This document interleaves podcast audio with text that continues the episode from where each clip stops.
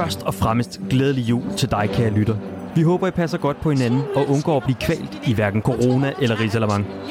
Vi har sammensat et program, der byder på lidt af hvert. Blandt andet en trænertrækløver, ambitiøse ungdomsspillere, og så er der måske lidt rygter til offensiven. Velbekomme.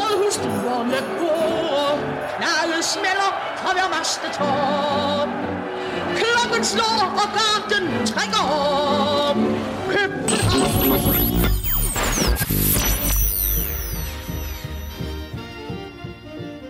Siden sidste gang vi optog, så har vi altså været ude i øh, en 120 minutters øh, lang pokalkamp, øh, som ender ude i en straffesparkskonkurrence. Vi har spillet så to kampe. Vi har ansat tre nye folk i organisationen. Vi har forlænget med tre talenter. Og så er vi blevet så ja, til Danmarks største covid-19-testcenter. Nå ja, yes. Ja. Det er meget vildt, man kan nå så meget alligevel på en uge, ikke? Altså, ja, men altså, som jeg har sagt mange gange før, jeg er glad for, at vi er fan af FC København og ikke noget andet, når man skal lave podcast især, fordi der sker bare altid noget i den her klub. For, altså, jeg, jeg var ret imponeret over, altså, det, det er jo et vildt initiativ, det her med, at man kan lave, lige pludselig lave parken om til et testcenter. Mm. Øhm, men, men hvor hurtigt det gik. Ja. Jeg var ret længe op den, den øh, aften, hvor det var, vi havde spillet mod øh, OB, og allerede klokken 9 om morgenen var man klar til at lave til det ja. testcenter. Det er helt sindssygt, for kampen fløjt af klokken hvad? 18 eller sådan noget, Ja, den sådan noget den søndag aften. Ja. Der er der, altså lige, der er der blevet spillet fodbold derinde, og så, så jeg ved ikke nu min hovedregning, men dagen efter om morgenen, Ja. klokken hvad siger du, 9 om morgenen, Ja. der står de bare klar. Ja. Og så og dem, der har set billeder derfra, de kan jo se med egne øjne, at det er ikke et lille bitte setup, det her. Ej, det, Det det, er rimelig hæftigt, ikke? Som sagt, hvad sagde du? Danmarks største. Danmarks største testcenter. Og det fylder altså noget. Ja. Og ja, det er sgu imponerende. Der er virkelig nogen, der har arbejdet, øh, der har knoklet i løbet af natten der. Mm. Så øhm, det er cool. Helt vildt. Og så skal vi jo videre til, til altså, det er virkelig interessant, fordi vi har, corona, det fylder jo hele tiden, ikke? Og det hører man om hele tiden. Vi har jo ansat Jakob Næstrup. Ja, tak. Det er så fedt. Det er så fedt. Altså, nu har vi fået den sidste, sidste assistent, må vi formode, Ja. øh, på, i, i en trækløver sammen med Jes Torup og øh, Ruben Selles. Mm-hmm. Det, er jo, det er jo vanvittigt. Altså. Jeg synes, det er så fedt. Jeg er så glad for, at vi har fået en Nistrup, altså. Øhm, endnu gladere, tror jeg, end, øh, end Rumsees. Men i hvert fald, det, det team der, det er klasse. Altså, det er jeg fandme glad for. Jeg får lyst til at sige sådan noget powerkouple. Ja, det, det, Altså, jeg ved ikke, om man kan sige det om, om tre personer, men øh, En power triple. Power jo, men det er da triple. super, mand. Altså, jeg synes virkelig, det, det ser sindssygt spændende ud. Det. Mm. Jeg er, vi får noget nyt øh, i øh, CS, og vi får noget, øh, noget FCK-DNA øh, mm. fra Næstrup af, og det gør mig tryg. Øh, folk ved jo sikkert godt, hvor jeg, der, vores, øh, hvor jeg står hen i forhold til, til vores udvikling, som jeg synes er spændende, men jeg synes også, det er enormt vigtigt, at vi holder fast i noget af, af fundamentet, mm. og det er Næstrup garant for. Øhm, mm. Jeg synes, det er så fedt, for jeg troede, det ville blive enten eller. Mm. Øhm, og da jeg så hørte Ruben CS, så var jeg sådan, ah, hvad så med Næstrup? Og nu ja. har vi fået begge to, og det er bare Altså, 12-tal. det er voldsomt, hvor, hvor, hvor uhyggeligt fedt det ser ud. I hvert fald på papiret. Vi skal jo se det selvfølgelig mm. effektueret også. Mm. Prøv lige at høre, vi henter en træner i Valencia. Altså, Ja, ja, jo, ja, ja. Mm, ja. en, en, tr- en træner i Valencia, altså, øh, som, som selv også fra landet af, og ved, hvor stor en klub Valencia er. Ja. Altså, Men som også øh, ved, hvor stor en klub vi er åbenbart. Og heller vi herhen. Altså, det siger noget om, øh, hvem vi er, FC København. Hvor Mm. stort et navn vi har. jeg begyndte at frygte, at sådan en øh, Jakob Næstrup var på vej til OB, men heldigvis tog han til FCK. Øh, Jamen, det giver også super god mening, hvis han har været Tobi, synes jeg. ja, men altså, mm, ja, man kan sige, at det næsten er, er et større job end assistent i FCK. Det kan man da godt argumentere for, at det er. Mm. Mm. Men heldigvis har han valgt rigtigt, Næstrup. Ja. Øhm, det er vi mange, der er sindssygt glade for. Så ja, det ser, det ser vildt spændende ud, og den her udsendelse kommer til at handle rigtig meget om det her sportslige setup. Vi kommer til at ringe lidt rundt til forskellige og, Ja. og høre omkring øh, både Næstrup og Ruben CS. Så øhm, ja, David, i torsdag så spillede vi øh, mod FC Midtjylland i pokalen, yes. og vi røg desværre ud. Ja. I en straffesparkskonkurrence til allersidst med Nikolaj Thomsen, der, der brændte. Men øh, lad os lige starte øh, lidt tidligere i kampen, fordi den er jo meget jævn i virkeligheden, ikke? Den er super jævn. Altså, det er jo langt hen ad vejen, øh, synes jeg, at det var en, en positiv kamp set med FCK-briller på, selvom vi ender med at ryge ud. Øhm, men Særligt det her med, der er så meget, altså vi, vi kommer også til en vis portion chancer og sådan noget, øh, selvom det, det, den er meget taktisk bred også, ikke? Altså, Jo, jo, og det er tydeligt at se, synes jeg, at det er to in, interne konkurrenter, øhm, mm. som, hvor der også, ja, netop du siger, der foregår nogle, nogle taktiske krige øhm, og Midtjylland. Altså, og, og Midtjylland skal lige lure, hvad det er for en FCK-hold. Vi, altså det nye FCK-hold.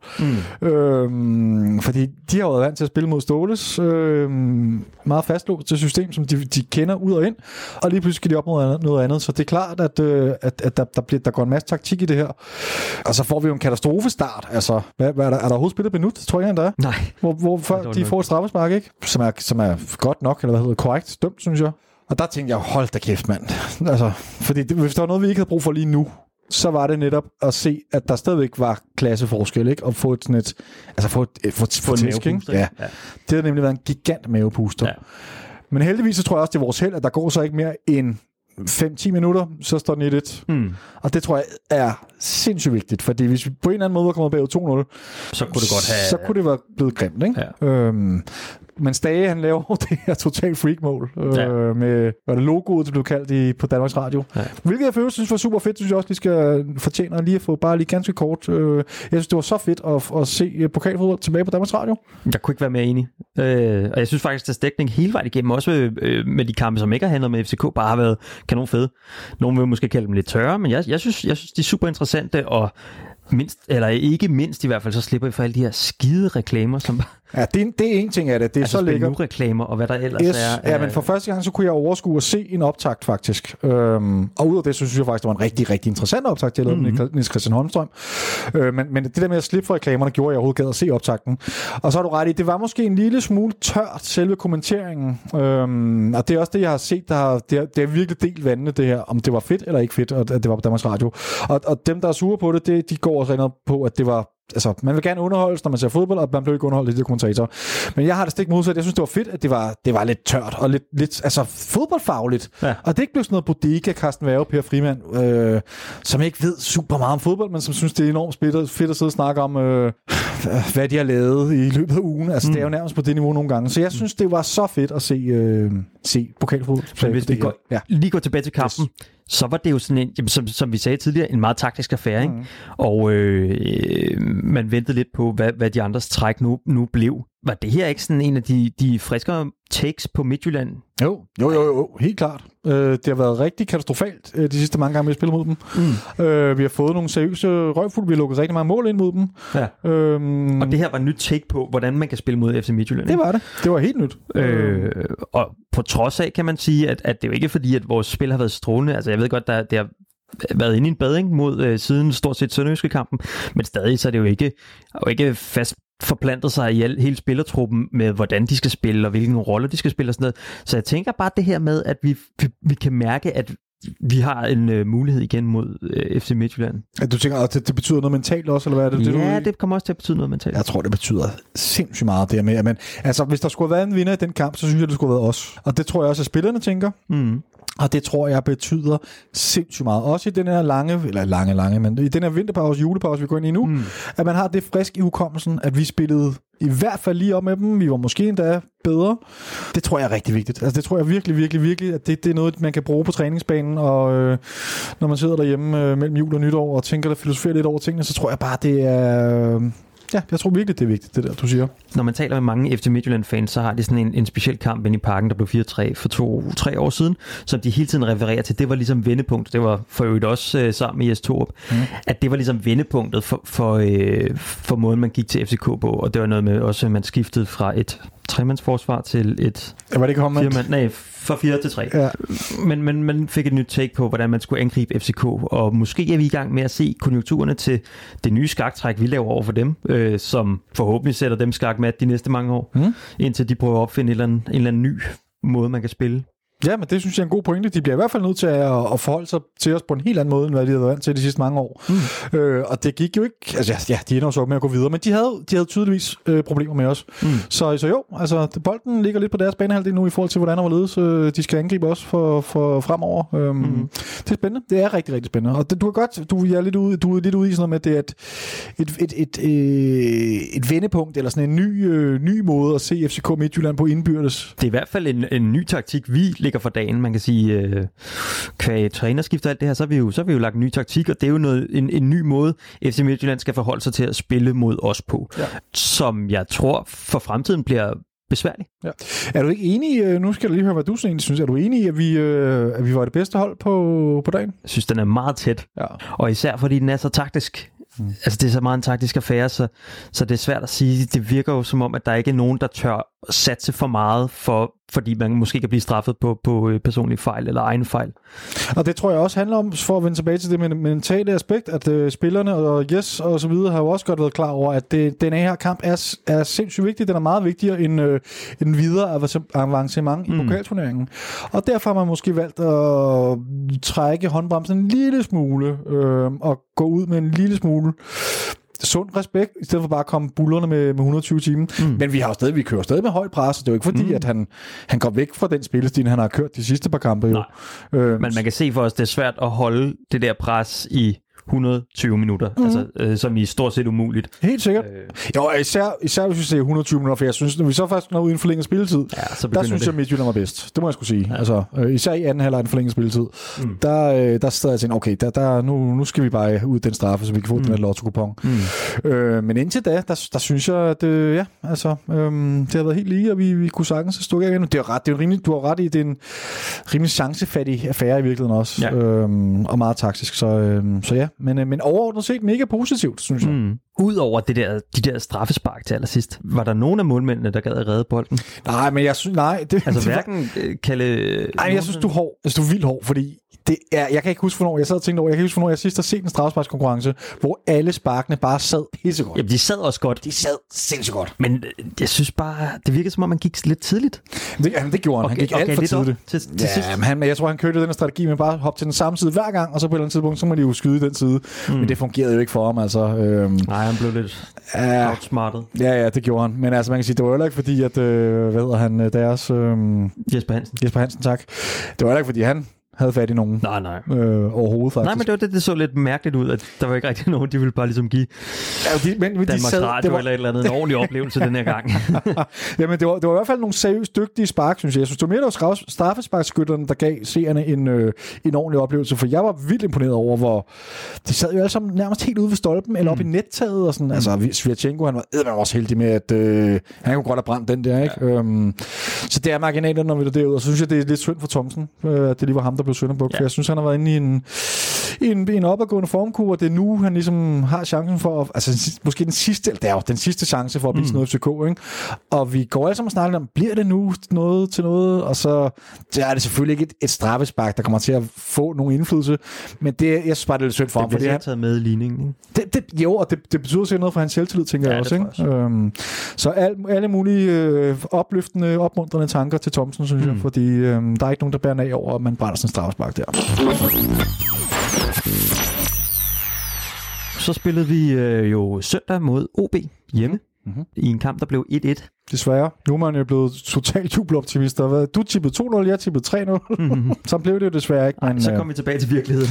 Så kom vi tilbage til virkeligheden. Det er måske også meget sundt. Men mega ærgerligt, det lige sker før julepausen, synes jeg. Mm. At, øh, hvis vi kunne gå på pause med fire sejre i træk i Superligaen, det havde virkelig været et... Øh, et boost. Men jeg vil så også sige, jeg synes... At 10 det... ud af 12 point, det er, vil jeg også sige, det er godkendt i forhold til, hvad, hvad, hvad det var for et sted, vi kom fra. Jo, jo. Ja, den er godt. Jo, jo. Men den, jeg synes, den er lidt... Altså, du, hvis du tager alle Jesses kamp med, så er pointsnittet lige pludselig ikke så flot. Vel? Jeg synes også... Øh, altså, det der med, med statistikker, det, man kan skære dem på alle mulige mærkelige måder. Men det er da rigtig nok. De sidste fire kampe, der er det set rigtig godt ud.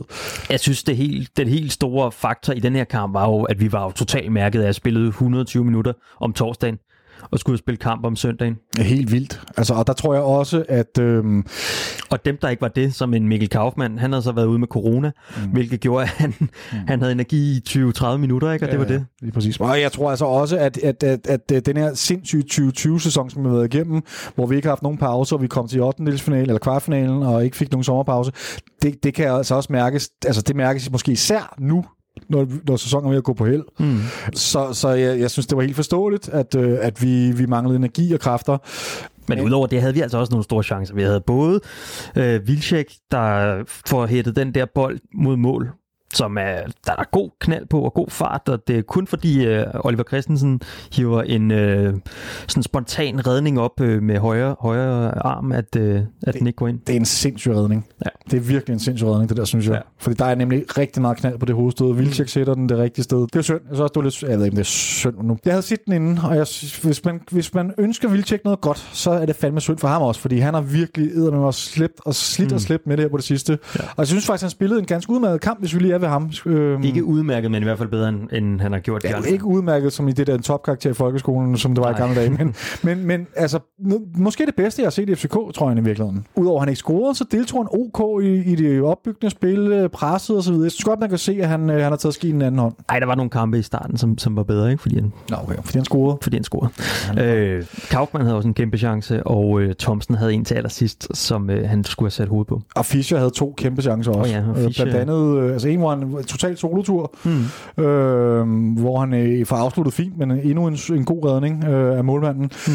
Og så har han den her fantastiske 1-2 kombination med Pep Biel. Det er virkelig Pep Biel nærmest, der, der står bag det mest geniale detalje i det angreb der. Den er lille, ja 1-2, han laver, hvor han vipper den videre. Mm-hmm. Mm, meget elegant, meget spansk, meget flot. Øh, og så den skal han jo sætte ind, Fischer, ikke? Men ja, han er jo, han er jo, helt, han er jo helt blank. Altså, han er helt fri igennem, og den skal bare lægge sig over det lange hjørne. Det prøver han også på, at rammer den med ydersiden, og så går den ja, for meget med ydersiden, for den ramt. Til gengæld så får vi det her sindssygt vilde mål, som Pep Biel han laver, og det virker som om, at de åbenlyse, de, de er lidt svære at sætte ind, men ja. de der, hvor du skal med sådan f- førstegangs afslutning, tip bolden over i det lange hjørne i sådan en stor bue. Ja. Altså, det er jo et vanvittigt mål. Det, ser, det, det så helt mærkeligt ud. Man kunne ikke finde ud af, om det var med vilje, eller om det var fordi, at han, øh, altså, han ligesom bare skulle prø- prøve et eller andet, eller kom til at ramme den forkert. Eller... Ja, ja, da, jeg lige, da jeg så den, der tænkte jeg, at det var ikke med vilje. Der, jeg troede, han bare lige ligesom prøvede sådan at lægge den ind over og se, hvad der skete. Mhm. Mm-hmm. Øhm, men da man så ser den i forlænget, forlænget hvad hedder det? Ikke forlænget. Øh, langsom gengivelse, Mhm. mm-hmm. replay. Så synes jeg, man kan se, at, øh, at det er med vilje der. Han har blik for mål, han kigger lige op, hvor målet står, Mm. og så så det er en afslutning, og det er vanvittigt afsluttet, det der. Det er. Og, og, og det er altså, nu er så ikke, nu kommer lige den her Midtjylland-kamp i, i, imellem, Ja. ja. men ellers er det jo to kampe i træk i Superligaen, hvor han laver sindssygt mål. Ja. Og du har ret, det er som om de der lette afslutninger, dem har han lidt svært med, men det skal jo nok komme, fordi der er jo ingen tvivl om, den mand, han har en sparketeknik fra, øh, fra en anden planet. Altså, Det er vel øh, måske en af de bedste sparkteknikker i Superligaen, ikke? det er det jo. Det tror jeg, det er. Men altså, vi skulle, den her kamp, den skulle have været lukket i første halvleg, som jeg så det. Ja. Øh, vi har nemlig Enig. masser af chancer. Hvis vi var kommet på en 2-0, så, så Og havde vi også købt den der, ikke? Ja, Altså, ja, det bliver ja. virkelig energiforladt i anden halvleg, fordi vi, vi simpelthen er så trætte ja. og mærket efter den her tidligere kamp. Ja, du har fuldstændig ret. Og så må man også bare give kado til Oliver Christensen, øh, OB's målmand, som bare står en virkelig god kamp. Altså, øh, står en sindssyg kamp. Han, han står en fuldstændig vanvittig kamp. En af de bedste kampe, jeg kan huske. Jeg synes virkelig, han har nogle helt vilde redninger. Blandt andet de to, vi inde på, Vilcek ja. og Fischers øh, angreb der. Altså, Ja, og kvæg hans unge alder og sådan noget. Han, ja. Han virker... Øh, Han er god. Men så er der også, altså jeg undrer mig lidt over, at øh, når vi snakker om, at spillerne blev trætte, både Fischer og Bøjle er ude efter kampen og kritiserer banen, og de siger, at den er meget tung at spille på, og en tung Mm, bane, det er mm. altså ikke optimalt, hvis man har trætte stænger også. Og det er bare sådan lidt, hvorfor? Hvorfor er den, hvorfor skal vi nu til at deale med problemer med banen inde i parken men det er igen? jo fordi, at det også er ved at være slutningen på sæsonen. Og Er det så bare videre, det? Så der, ja, det tror jeg. Okay, jeg pakker min skeptis væk. Og så synes jeg, det var tydeligt, en, en anden øh, ting med det her manglende energiniveau, var, at, øh, at, at, at presspillet, vores presspil, som jeg har set øh, Mm. mm. under, under Yes, det var en helt anden, helt, helt anden kaliber. Altså, Så vi kunne jo overhovedet ikke lægge det samme Nej. pres. Øh, Altså, det var tydeligt, synes jeg, når vi mistede bolden, så i stedet for at gå op i det der genpres, så Mm. mm. trak vi os tilbage og, stod, og, og valgte den sikre gamle løsning, jeg lyst til at sige ståleløsningen, med at komme tilbage og stå godt i, i bagkæden. Tror du, det var et bevidst valg, fordi Jes vidste godt, at vi var trætte, så, han har, så spillerne har fået at vide, I skal lige trække lidt i, vi kan ikke køre det her. Mm. Mm. Eller var det noget, spillerne selv, øh, det, det, det kan du ikke vide, men, men øh, har, du, har, du, har du en idé om det? Øh, jeg tror, man forsøgte lidt i starten, øh, og så forsøgte man også øh, blandt andet at diktere spillet meget mere. Altså øh, prøve at holde længere tid på bolden. I hvert fald i starten af kampen også lagde man særlig mærke til, at Sanka var meget verbal og kom der meget rundt og var ligesom man spillede en lang bold op Hmm. på en angriber, der skulle løbe i dybden. Ja. Nu siger du Sanka. Ja. Skal vi ikke lige knytte et bord på, på hans præstation? Jo, eller jeg synes, han gjorde det øh, fremragende. Ja, for, og det er vel hans første kamp siden, øh, siden hjemme hjemkomsten, mm. som har været rigtig god. Så der er fremgang at spore der. Ellers har jeg egentlig ikke, øh, ikke Nej, det helt så store, jeg, altså. altså. efter den her OB-kamp, så Viasat havde jo øh, teaset, eller Viaplay havde teaset for den her, det her indslag, der skulle være med Christian Engel om, hvordan han var kommet til klubben, og hvordan han skulle arbejde med klubben. Øh, og Nå, det havde jeg ja. ja. set meget frem til, fordi det, det tænkte jeg, det kunne være spændende at få et indblik i, hvad der kommer til at, hvad der sker på den front og sådan noget. Men det var, det var godt nok, øh, det var godt nok dårligt. Og det er jo ikke så meget det der med, det er jo fantastisk, at man har fået Christian Engel til at stille op og Jes Torup og sådan, men altså, de svarede på tre spørgsmål, og så var det for det første blevet klippet helt i stykker, så det virkede som om, man fik set øh, en femtedel af, et, af et interview, der var blevet lavet, og så ud over det, så øh, var det bare sovset ind i sådan nogle øh, melankol, melankolske stryger. Ja, ja. Lige det der med strygerne lagde jeg ikke så meget mærke til, men jeg lagde godt mærke til, at jeg synes, det virkede vildt underligt. For det virkede som om, at øh, hvad hedder hun, Camilla Martin, hun havde fået øh, et minut med, med Jes Torup og et minut med Christian Engels.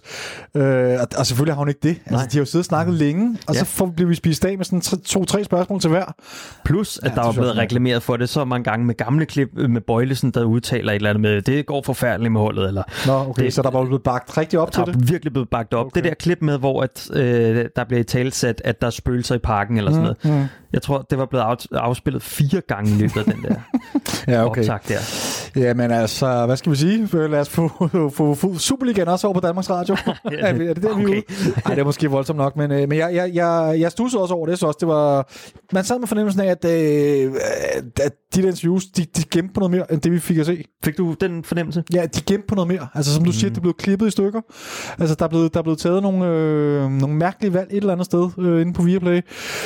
Fordi hun har jo ikke siddet, hun har jo ikke kun snakket, hun har jo ikke kun fået lov til at spille, stille de her to-tre spørgsmål til hver. Nå ja. Altså, de spørgsmål, der så kom med, var jo fine nok, men de har, de har åbenbart haft en anden øh, tids, tidspres og kun fået lov til at lave et, øh, et indslag på... Nej, så, så er det jo bare dårlig journalistik. Det ved jeg ikke, det var i hvert fald klippet på en meget mærkelig måde, og så forstår jeg bare ikke behovet for de der, altså den der de der stryger og hele det der setup, det gør det sådan lidt mere, altså selvfølgelig så er det med til at gøre det mere dramatisk, men det, det gør det også bare meget mindre jordnært, ikke? Og meget, Ja, jo, men det er med moderne øh, tv, det er jo fandme helt vildt patos-agtigt. Og så fik vi den med. Ja, så fik vi det med. og så går vi til, øh, til vinterpause, til julepause her med syv point op til Midtjylland. Ja, det var jo lige før, at ah, ja, der, der, der er kæmpe forskel på de der 5 og 7 point, ikke? Mm. Det er derfor, derfor, den der OB-kamp gør en lille smule ondt. Øhm, hvordan? Men altså, det er jo næsten lige før, at man kan... Altså, vi kommer i hvert fald til at have tre kampe mod dem. Ja, ja. ja, ja, ja Så men vi kan jo godt selv afgøre det stadig. Så det, så det er jo ikke øh, helt umuligt. Altså, og, Skal vi stjæle lidt for Sundays? Jeg vil ikke have et gulometer, men jeg vil gerne lige høre øh, bare sådan... Ja, jeg vil egentlig gerne have faktisk øh, lidt procenter på. mm. Hvor, hvor, hvad, hvad, hvor, hvor mange procent chance til, det, tildeler du FC København i forhold til guldet? 35-40. Wow! Okay. Fedt, mand. Du Er er for, i øh, sandhed jubeloptimist. Nu får jeg lyst til at sige 30. Nå, men det ved jeg. Altså, det 35-30, sådan noget vil jeg gerne lægge mig fast på. Ja. Jeg er helt nede på 15, 20, 10, 20, 10, 20 procent. Okay. Men øh, fint. Som de fleste nok ved, så har vi jo fået de her to nye assistenttræner, Lena Jakob Næstrup, ham kender vi ret godt, men så er der den anden, Ruben Sæs, som vi ikke kender super godt. Måske er der nogen, der har fulgt ham lidt, øh, mens han var i øh, AGF. Men for at gøre os klogere på Ruben, så har vi ringet til Dennis Bjerg fra Aarhus Stifttidende, som måske ved, hvad vi har i vente.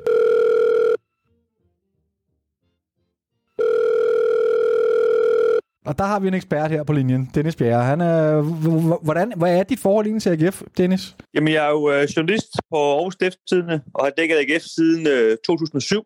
Og så er jeg jo øh, født og opvokset i Aarhus også. Øh, så selvom at, altså, jeg er ikke AGF-fan, men altså, det er klart, det, det har jo fyldt øh, meget af mit liv selvfølgelig, at det er et, øh, et hold, jeg har set øh, ja, mange hundrede gange på stadion. Mm. Mm-hmm. Så, er det, så du siger, at du ikke er AGF-fan, men er det ikke også bare, fordi du er journalist, så må du ikke øh, tage parti? Sådan. Er du på stadion, må jeg spørge sådan? Ja, altså, jeg, jeg er jo på stadion, kan man sige, i kraft af mit arbejde, og jeg har også set dem i, kan man sige, 10 år i min, øh, min barndom, så øh, det er nok mest rigtigt, det du siger med, at øh, journalister ikke må være fans. Modtaget. Modtaget. Jamen, øh, hvordan har vi ledes med ham med her, Ruben Sages? Øh, vi er jo ret nysgerrige på, hvad han egentlig er for en type, og hvor har han sine fokuspunkter og sådan noget. Så jeg ved ikke, øh, kan du, kan du starte med at sætte lidt, øh, lidt ord på, hvor, hvor, hvor er det, han hjalp AGF henne? Ja, det kan jeg sagtens. Øhm, for at putte det i kontekst, så kom han jo til AGF øh, cirka et halvt år efter David Nielsen han kom. Øh, og han kendte øh, David Nielsen fra, fra Strømgåset, hvor de havde øh, arbejdet sammen. Og det var, det var selvfølgelig David, der, der anbefalede ham til, til ledelsen, at de skulle hente ham. Øhm, og David Nielsen, ham, ham, ham kender jo. Han er en, øh, kan man sige, en menneskekender og en, en mand, der sådan reagerer meget på følelser og så videre, ikke? Øhm, hvor, og han vidste ligesom godt, at han skulle have altså modstykke til sig selv. Øh, og det er Ruben Sæs på, på rigtig mange måder. Altså han er en, en meget øh, arbejdsom mand, en meget hård mand, øh, man kan sige sådan lidt, lidt tør mand, eller hvad man skal sige. Altså han er ikke nogen humørbombe, der står og, og fyrer, fyr vitser af. Øh, så spillerne, de snakkede meget om, at altså, han ligesom kom ind og ændrede deres træningskultur, og selv når de varmede op og spillede det her kant, så kunne det godt gå sådan lidt, lidt øh, øh, kan man sige, stemning i det, ikke? Med de her unge mænd, der, der lavede tunneller på hinanden, og så, så synes de, det var sjovt og sådan noget. Men det, det gad han sgu ikke at se på, at de, at de farede rundt og, og grinede over det. Altså, det, var, det var seriøst at træne fodbold. Øh, og så, så der, det, det rykkede han sådan rigtig meget på, det her, at, øh, at, at der, skulle, der skulle være en træningskultur. Det var der, man lagde arbejdet, hvor, hvor, det, hvor det var seriøst. Var det simpelthen ham, der styrede træningen? Altså i, i store træk, ja. Øh, selvfølgelig, David Nielsen øh, har jo det, det overordnede ansvar, men, men det er jo ligesom ham, der, der, der ligesom planlagde kan man sige, træningen og også styrer meget af den. Øh, det, det er sådan, David Nielsen han, øh, han, han gør det. Hvordan, hvordan, nu siger du, at han har en modsætning til David Nielsen, men du siger en hård type og arbejdsom og sådan. Det er jo også det, jeg forbinder med David Nielsen. Så hvor, hvor kommer modsætningerne i spil henne? Ja, det, det er du ret i, men, men det var med i forhold til det her med, at, at David Nielsen altså, reagerer meget på, på følelser, og, og det er meget det her med, kan man sige, det er ham, der er inde i omklædningsrummet, før kampen står og let's go out uh, and get them boys og alt det her, ikke? Uh, og ligesom sætter dem op, kan man sige, på den måde, og han, kan man sige, han, han er måske ikke verdens stærk, stærkeste taktiker, men han, han kan man sige, fornemmer lynhurtigt, hvilke følelser og fornemmelser der er i både i kampe og, og på sit eget hold osv. Hvor, hvor Sayers her, altså, han er meget mere sådan, øh, kan man sige, Excel-ark, ikke? Altså, så skal vi gøre det, så skal vi gøre det. Det er bare sådan, det er øh, altså kasser, kan man sige. Ikke? Der, der er ikke, øh, han, han er ikke ude at mærke på, altså, hvordan har ham her det, med det, og hvordan har ham med det. Altså, det er bare, alle skal bare have det på den her måde, og så fungerer det bare. Ikke? Og hvordan passede det, øh, hvordan passede det ind? Jeg ved, du har snakket med et par AGF-spillere omkring ham. Var han vældig i, i, øh, i, i spillertruppen, eller hvordan var det? Jamen, det var han. Øh, men, men altså, 100% vældigt. Men, men på den her måde, kan man sige, ligesom folk, der har en hård far, eller hvad man skal sige, ikke? At, at de kan jo godt lide dem, men men, men det er jo med den her, øh, der er den her autoritet omkring ham, ikke? Altså, øh, og, og man kan sige, han, han, han var jo især vældig, fordi at de, han rykkede jo AGF, de kunne se, det virkede. Og, og jeg tror, det, han er også sådan en type, hvis, man siger, hvis det var, hvis resultaterne ikke var fuldt med, jamen, så kunne måske hurtigt vende i sådan en spillertruppe og sige, han er også for hård ved os, og, øh, og, og det er også alt, alt, alt for, for, for, ja, for, for, for hårdt at træne, og, og det er ikke sjovt osv., der skal være noget, noget sjovt ved det også. Men, men når resultaterne kommer, så kan de jo se, ham, han, han, han kan noget for os. Ikke? Så, så på den måde var han øh, på en meget, meget vældig. Og, og nu, nu lyder det jo også, som om han er, han er et dumt svin. Altså, det, det er slet ikke det, han er, men han er bare en hård type, der, der altså kan man sige, der vil arbejde, arbejde, arbejde. Ikke? Altså, hvor man skal passe sit arbejde. Det er ligesom, det er det, han går op i. Ikke? Hvad med den her autoritet, du siger, han havde? Tror du, tror du han er let ved at, at finde den i, i FC København? Vi har måske nogle lidt flere primadonna-typer, og generelt bare en lidt et, et, et sværere sted måske at, at stille sig øh, og få, få stille sig, hvad hedder det sådan noget, og, og, og, og få respekt for spillertruppen, kunne jeg forestille mig måske. Øhm, tror du, han har, han har autoriteten til også at gøre sig i en klub som FC København? Ja, det, det, det tror jeg, han har. Fordi han, altså, han, han er ikke typen, der kan man sige, lader sig forskrække af, at, at der er nogen, der har nogle øh, nykker, eller hvad man skal kalde det. Altså, han, han lægger sin plan, som han lægger den, og så, øh, så er det sådan lidt my way, the highway, tror jeg. Og nu ved jeg godt, han, det er jo selvfølgelig ikke han bestemmer jo ikke noget, men, men i hvert fald den måde, det er bygget op på i AGF, øh, hvor, hvor, hvor, hvor PC var også var, var, var rigtig, rigtig stor fan af ham, så går jeg ud fra, at han ligesom også har kan man sige, den sportslige ledelses opbakning til de ting, han gør, når nu PC har været med til at hente ham igen. Ikke? Så, han, så, så jeg er ret sikker på, at, at der ligesom bliver bakket op om, om den måde, han gør det på. Og så længe der gør det, så, øh, så tror jeg kun, det, det, det hjælper, han er på den måde, han er på. Det, det tror jeg ikke, det, det skaber problemer. Og nu, altså, jeg synes, jeg, altså, nej, jeg, jeg var bare ved at sige, at altså, nu, nu har jeg jo ikke stået over ved at Ståle Solbakken træne, men, men sådan som jeg opfatter ham, var han jo heller ikke en mand, der synes, at, at der skulle være fis og ballade til træning. Altså, der, der skulle også trænes, når man, når man nu var der, ikke? Men det var også min første association, og var i virkeligheden Ståle Solbakken. Men, men hvis vi øh, skal dykke lidt ned i, i hans øh, forser, og hvad han var med til at løfte for øh, AGF, nu, nu sagde du selv træning, men var der nogle, nogle øh, ting på banen, hvor man ligesom kunne se, at nu har vi fået øh, Ruben ind i øh, staben? Jamen altså, han, han stod jo for dødbolde. Øh, altså generelt, altså, altså forsvar, det, det er sådan det, han, øh, det er hans trademark, øh, at, at sætte et forsvar op. Øh, og han, han stod for dødbolde, øh, og altså ironisk nok har de faktisk scoret mange flere mål, øh, siden han, han forsvandt øh, på offensiv dødbolde. Øh, så der kan man måske godt sige, det, der har de i hvert fald fået nogle andre planer nu, som, som fungerer godt, og det kan også bare være lidt tilfældigt jo ikke, at det, det lige fungerer. Men, men rent defensivt, øh, synes jeg godt, man kan se på AGF, at han er væk. Altså, der, der, der har været en masse problemer. Øh, og det, det var ret tydeligt, dengang han kom, at, at, øh, at, han, at han havde styr på at sætte en, en defensiv, øh, øh, nogle defensive død, dødboldskemaer op. Så det, øh, det, det, det tror jeg, altså kunne jeg forestille mig også bliver en af hans øh, arbejdsområder i, i FCK. Men, men at, når du siger øh, de defensive, øh, defensive fokus, han har, er det, er det også kun i forhold til, til dødboldene, eller er det generelt sådan hele det defensive øh, taktiske område, han, øh, han står for? Ja, det er generelt. Altså, og kan du så sætte han, ord på, hvad er han for en... hold op, kan man sige. Ja, hvad for en, hvad for en type øh, forsvar øh, foretrækker han, hvis man kan sige det sådan? Ja, altså AGF spiller jo altid med, med, med fire forsvarsspillere. Øh, om, om, det er, altså, om det var David Nielsen eller ham, der ligesom insisterede på det, det så, så langt øh, kan jeg ikke gå ned i, i taktikken, eller hvad man skal sige, men, men øh, de havde, øh, var det i starten af sidste sæson, det tror jeg det var, der havde AGF de første fem kampe i sæsonen, hvor de, øh, hvor de faktisk forsøgte at spille med, med, med, med tre forsvarsspillere og så to øh, wingbacks. Øh, og det var, det var, altså, det var både David og Rums, kan man sige, idé at lave det om. Øh, men hvem der ligesom har fået idéen derinde, altså det lugtede lidt af for mig, at det var Rubens idé. Øhm, og jeg ved, at, at, at PC var faktisk meget modstander af det. Øhm, og, og kan man sige, med vilje så sendte sådan nogle, øh, nogle, nogle, nogle, altså nogle, nogle skakspil, øh, eller sådan nogle altså billeder af, af skak ned til dem, og sådan, øh, tænker jeg, for, ligesom for at få lavet det om, altså for at drille dem lidt og sige sådan, altså, du ved, altså sådan lidt antydet, du ved, altså, lad, lad nu være med at være, være masterminds, ikke? Lad os gøre det simple, i stedet for alt det her fiffen rundt med, med, med den her taktik. Øh, og det skal sige, altså, de vandt ikke nu de fem kampe, og så gik de, så gik de tilbage øh, og fik jo så den her gode sæson, ikke? Så, så man kan sige, han, han fik sin vilje PC, men, men, men, men der var måske et eller andet, der tyder på, at, at han havde også nogle andre idéer, end bare at spille med de her, de her fire forsvarsspillere. Mm-hmm. Og hvad med sådan en ren spilfilosofi? Hvad, hvad, altså hvad, hvad kommer han fra, og hvad, hvad tog han med ind i AGF-truppen? Ønsker han at have mange øh, øh, boldspillende forsvarsspillere, eller vil han have nogen, der er meget duelstærke? Jamen altså, han, han er jo spanier, øh, og det synes jeg, det, det er jo selvom man kan sige, det er måske lidt atypisk det her med, at han har så fokus for, for forsvaret, når han er spanier, så har han jo stadigvæk de her spanske tanker omkring, at, at, man, at man skal spille fodbold. Ikke? Øhm, det, det, det har han 100% sikkert. Øhm, men man kan sige, han har jo også været, han har også lidt et, et, i går så en lidt mærkelig CV, ikke? Altså, med i Rusland og i Norge, i Azerbaijan. Øh, så, så jeg tror, han, han har samlet sådan en masse forskellige øh, øh, kan man sige, genre, og, og, og sådan som jeg oplever ham, der, der kommer det sådan meget med, med, ned til, til kynisme. Altså det er det, han ligesom har fundet ud af, at, at tingene skal gøres, øh, kan man sige, altså så, så enkelt som muligt, eller hvad man skal sige. Det, det er sådan det, han, øh, han øh, ja, tænker først og fremmest, som jeg ser ham. Men det lyder jo virkelig meget, når jeg lytter til det, du siger her, som om, at øh, han er hentet ind til at være en modpol til, til Jes Torup, som øh, er den her bløde type, som har fokus på det offensive spil. Så henter vi nu en lidt mere kynisk type, som har, som har fokus på det defensive. Ja, og i virkeligheden har rigtig mange paralleller til Ståle Solbakken. Er, det, er jeg helt gal på den her, eller, eller kunne der være noget om det? Ja, så, sådan tænkte jeg også med det samme, da jeg, øh, da jeg hørte om det. Øhm, altså i, i forhold til, at, at kan man sige, PC kommer ind som sportschef og, og kigger på, hvad han har at træne, og så tænker han, at vi skal have en modvægt. Jeg kender en, en mand, der, der, der er præcis er modvægten til det. Øh, lidt som han også var i, i AGF med, med David Nielsen. Ikke? Øh, så det, det, det synes jeg er meget godt ramt. Jamen altså, det lyder jo spændende. Altså, hvordan er han som øh, sådan mere personligt, øh, kan man sige, du siger, han er han bryder sig ikke om, øh, om alt for meget pjat og pjank, øh, og tager seriøs, seriøs, seriøsiteten i højsædet. Er han også sådan uden for banen? Ja, det vil jeg sige. Altså, han, han er en meget seriøs mand.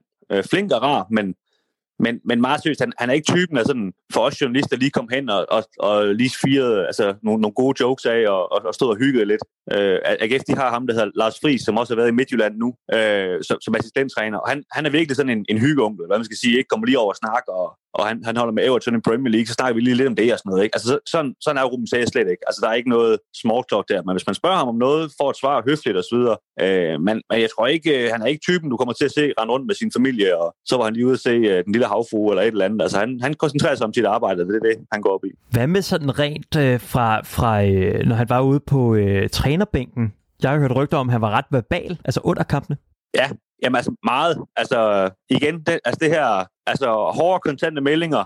Øh, hvis der er noget, han så, der, der ikke øh, fungerede fuldstændig ind, ind, ind til spilleren. Ikke? Altså igen, lidt, lidt eller Ståle Solbakken. Ikke? Altså hård, hård kontant, så det er ikke til at misforstå, hvad han, hvad han mener. Øh, og selvfølgelig især i AGF havde han det ansvar for dødboldene, så hver gang der var dødbolde, var han hele tiden op at stå og dirigere og, og, og, og, og stå og styre det derudfra. Ikke? Jamen, øh, måske jeg kunne få, til dig, få dig til lige at give sådan en helt overordnet vurdering af den her ansættelse set med FCK-briller. Altså, passer han ind i vores øh, sportslige setup, og, øh, og sådan lidt poppet sagt, bliver han en succes? Ja, det, det tror jeg 100% sikkert, han gør. Altså, jeg tænkte dengang, jeg så, at, øh, at FCK havde hentet ham, at det var et, øh, det var et rigtig godt valg. Øh, seriøs mand, der har en masse international erfaring, og, og jeg ved også, at AGF altså, var meget træt af, at han, øh, han har jo lige været et halvt år i Spanien, øh, hvor, hvor AGF var meget træt af, at de skulle miste ham der. Men det var ligesom hans eget valg. Han sagde, at han, han blev hjem til Spanien. Det, det var så ikke så lang tid, han, øh, han kom det. Der kom med åbenbart et godt tilbud, øh, som, som, som lokkede ham. ikke. Men, men ja, et, altså, jeg, vil, jeg, vil, jeg vil kalde det et scoop. Altså, det, det synes jeg, det er, fordi øh, det er en mand, der, der, der passer sit arbejde og ved, hvad han vil med det. Fantastisk. Jamen, øh, det glæder vi os til. Det lyder virkelig spændende. Ikke? Ja. Tusind tak, Dennis, fordi du kunne øh, gøre os klogere på, på Rum CS. Det var super interessant at få et førstehånds øh, indtryk af, eller hvad skal man sige, et, et, et, et, et indtryk fra en, der har en førstehånds indtryk af ham. Øh, så tusind, tusind tak endnu en gang, Dennis, for at gøre os klogere. Ja, velbekomme, og god jul. God jul og godt nytår. God jul, godt nytår, og held og lykke i den nye sæson.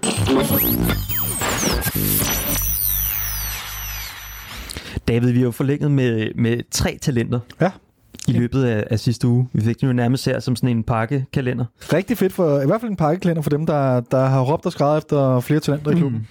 Og første dag, der får vi en Rasmus Højlund, som vi har jo set en del til. Øhm, Han ser spændende ud, synes jeg. Jeg har et lille citat fra, Ja. fra den artikel, der fulgte med, øh, hvor der står, øh, Rasmus har været hos os siden U15-tiden, og har altid været et stort talent som angriber. Han har en fantastisk fysik og et fantastisk spark, og samtidig meget fokuseret, taktisk klog. Han er en robust fyr med en stærk personlighed, og har god opbakning hjemmefra, siger Sune Schmidt, der nu er blevet udviklingsdirektør. Jeg har svært ved at finde rundt i alle de nye Jamen, roller, det- men øh, på et eller andet tidspunkt, så kommer det nok. Ja, men ja. Altså, jeg synes, vi har jo set lidt til ham her på det sidste. Mm. Jeg synes, han ser spændende ud. Altså, vi har været inde på ham, eller vi har snakket om før. Øhm, han ser ud til at have øh, især psyken, Psyken det på- mentale skruet på plads, ja. Og hoved, hovedskruerne på. Ja. Og det er vigtigt. Altså, mm. så, må, så, så kan alt det andet, det, det skal nok komme. Altså, fordi han er jo tydeligvis ikke plottet for, for, øh, for talent heller med Nej. en bold. Og jeg tror også, at hans taktiske forståelse er, er rimelig god. Altså, jeg tror, de bliver skolet godt øh, på det der akademi. Men så er det jo spændende at se med alle de, de, de, alle de akademispillere, som har været øh, hvad skal man sige, bygget op til Ståles system. Mm. hvordan de klarer transitionen over til en helt ny spillestil. Øh, det må tiden jo vise, altså, mm. om, det, om det giver et problem, eller, eller hvordan der ledes. Jeg er også mm. mega nysgerrig på, hvordan de har tænkt sig at takle akademiet fremadrettet. Det mangler vi også lidt at få svar på. Om de også skal til at spille 4-3-3 med mere flydende positioner og alt det her. Mm. Øh, men det, det må vi undersøge lidt i vinterpausen, tænker jeg. Ja, der vil jeg jo kun holde mig fast til, hvad Sune Schmidt tidligere har sagt, at, at de prøver ligesom at uddanne en fodboldspiller, øh, så de kan spille flere forskellige systemer og flere positioner osv. Og til snakken med Højlund, så er det jo også lige værd at nævne, at der altså også findes flere Højlunder på vej. Gør du det? Hvem er det? Ja, men han har nogle brødre, som spiller noget ungdomsfodbold også for os. Så det kunne være spændende projekt jo. Altså, jeg ville jo elske, hvis vi fik et brødrepar her i klubben. Uh, ja, ja, det har vi prøvet før. Eller der var, det var tvillingerne der. Det var, Ja, ikke, øh, det var altså ikke kedeligt. Nej. Ja, det, det, det, det kan noget, det der. Det kunne ja. Være super fedt. Ja. Men ved du, har du nogen idé om, hvor gamle de er? Den ældste er der af en, der spiller U15. Nå, jamen, så kan de jo godt ja, komme på samme hold. Ja, og, for, så, og ellers, hvem er de, øh, de unge talenter, kan vi glæde af for Jamen, fremtiden? så er der øh, Victor Christiansen, og man skal huske det med A og ikke med E, fordi at ellers så kommer man altså ind på en øh, tragisk historie med, med en, øh, en ung dreng, der tilslutter sig ISIS og sådan noget. Så husk det, Victor Christiansen, venstre bak. Mm-hmm. Som har fået også sin, øh, sin debut. Ja. Både på, ja, på Superligaen også, på Superliga-niveau. Mm. Jeg fandt også lidt på ord på ham. Mhm. Spilmæssigt er Victor et rigtig powerhouse. Tak. Øh, som faktisk ligner en seniorspiller allerede, hvilket han også har bevist til træning. Nu får han så muligheden for at slå sit navn mere fast på permanent basis. Vi ser store aspekter for ham fremadrettet, siger William Kvist. Tror du, øh, tror du, han er tiltænkt at skulle erstatte enten Pierre eller Oviedo? Det kunne da være spændende. Fordi det giver ikke nogen mening at, at have fire, vel? Mm. Så der må være en af dem, der skal væk, ikke? Og så, så, så bliver Christiansen øh, tredje valg. Det kunne man sagtens forestille sig. Altså, det ville da være interessant. Øh... Jamen det er vel, det, er vel det, der er mening med hele det her nye øh, system, at, at, at yder, yderpladserne, altså fra nummer, hvad skal vi sige, øh, 16, 17, 18 stykker i truppen op til de sidste, øh, det skal være de unge talenter, ikke? Og der Mm. passer han jo perfekt ind Mm. der, så øh, spændende. Jeg skal lige sige, at han har været FCK-fan øh, hele hans liv. Det betyder sygt meget. Han er en Frederik Berg-dreng. Ja, fint, det er også det, jeg er fra. Så KB, eller hvad? Det ved vi ikke. Nej, det ved jeg faktisk ikke. Nej, skal vi lige Jo, det, det tror jeg, jo, det tror jeg sgu. Ja. Øh, FCK lagde på Instagram et billede op fra da han var fem år, det vil sige 2007, hvor han rendte rundt i FCK billertrøje, og det kunne, man kunne ikke se nummeret, men det kunne rygnummeret, men det kunne selvfølgelig være Albæk. Det kunne godt være Albæk. Men fordi han er venstreback, så er det jo nok Niklas Jensen, ikke? Men hvorfor tænkte du lige Albæk? Fordi han var en star på det tidspunkt. Ah, okay. Ja. det ikke rigtigt? Jo, det var andre. Men det er nok Niklas Jensen, ikke? Det vil give ret god mening. Han var med også en fed venstreback, Niklas Jensen. Hvis han bare har, øh, hvis han har kigget, kigget til Niklas Jensen for at få inspiration og sådan Altså, noget, det er kun mig, der gister, så jeg ved ikke. øh, ja, ved nu hænger du på den. Jeg forventer at se en ny Niklas Jensen derude om en øh, par år. Altså. Ja, men det er ikke det. Jo, det tror du har ret i. Det kan sagtens være. Så skal vi lige sidste navn i den her trækløver af unge talenter. Det er Valdemar Lund.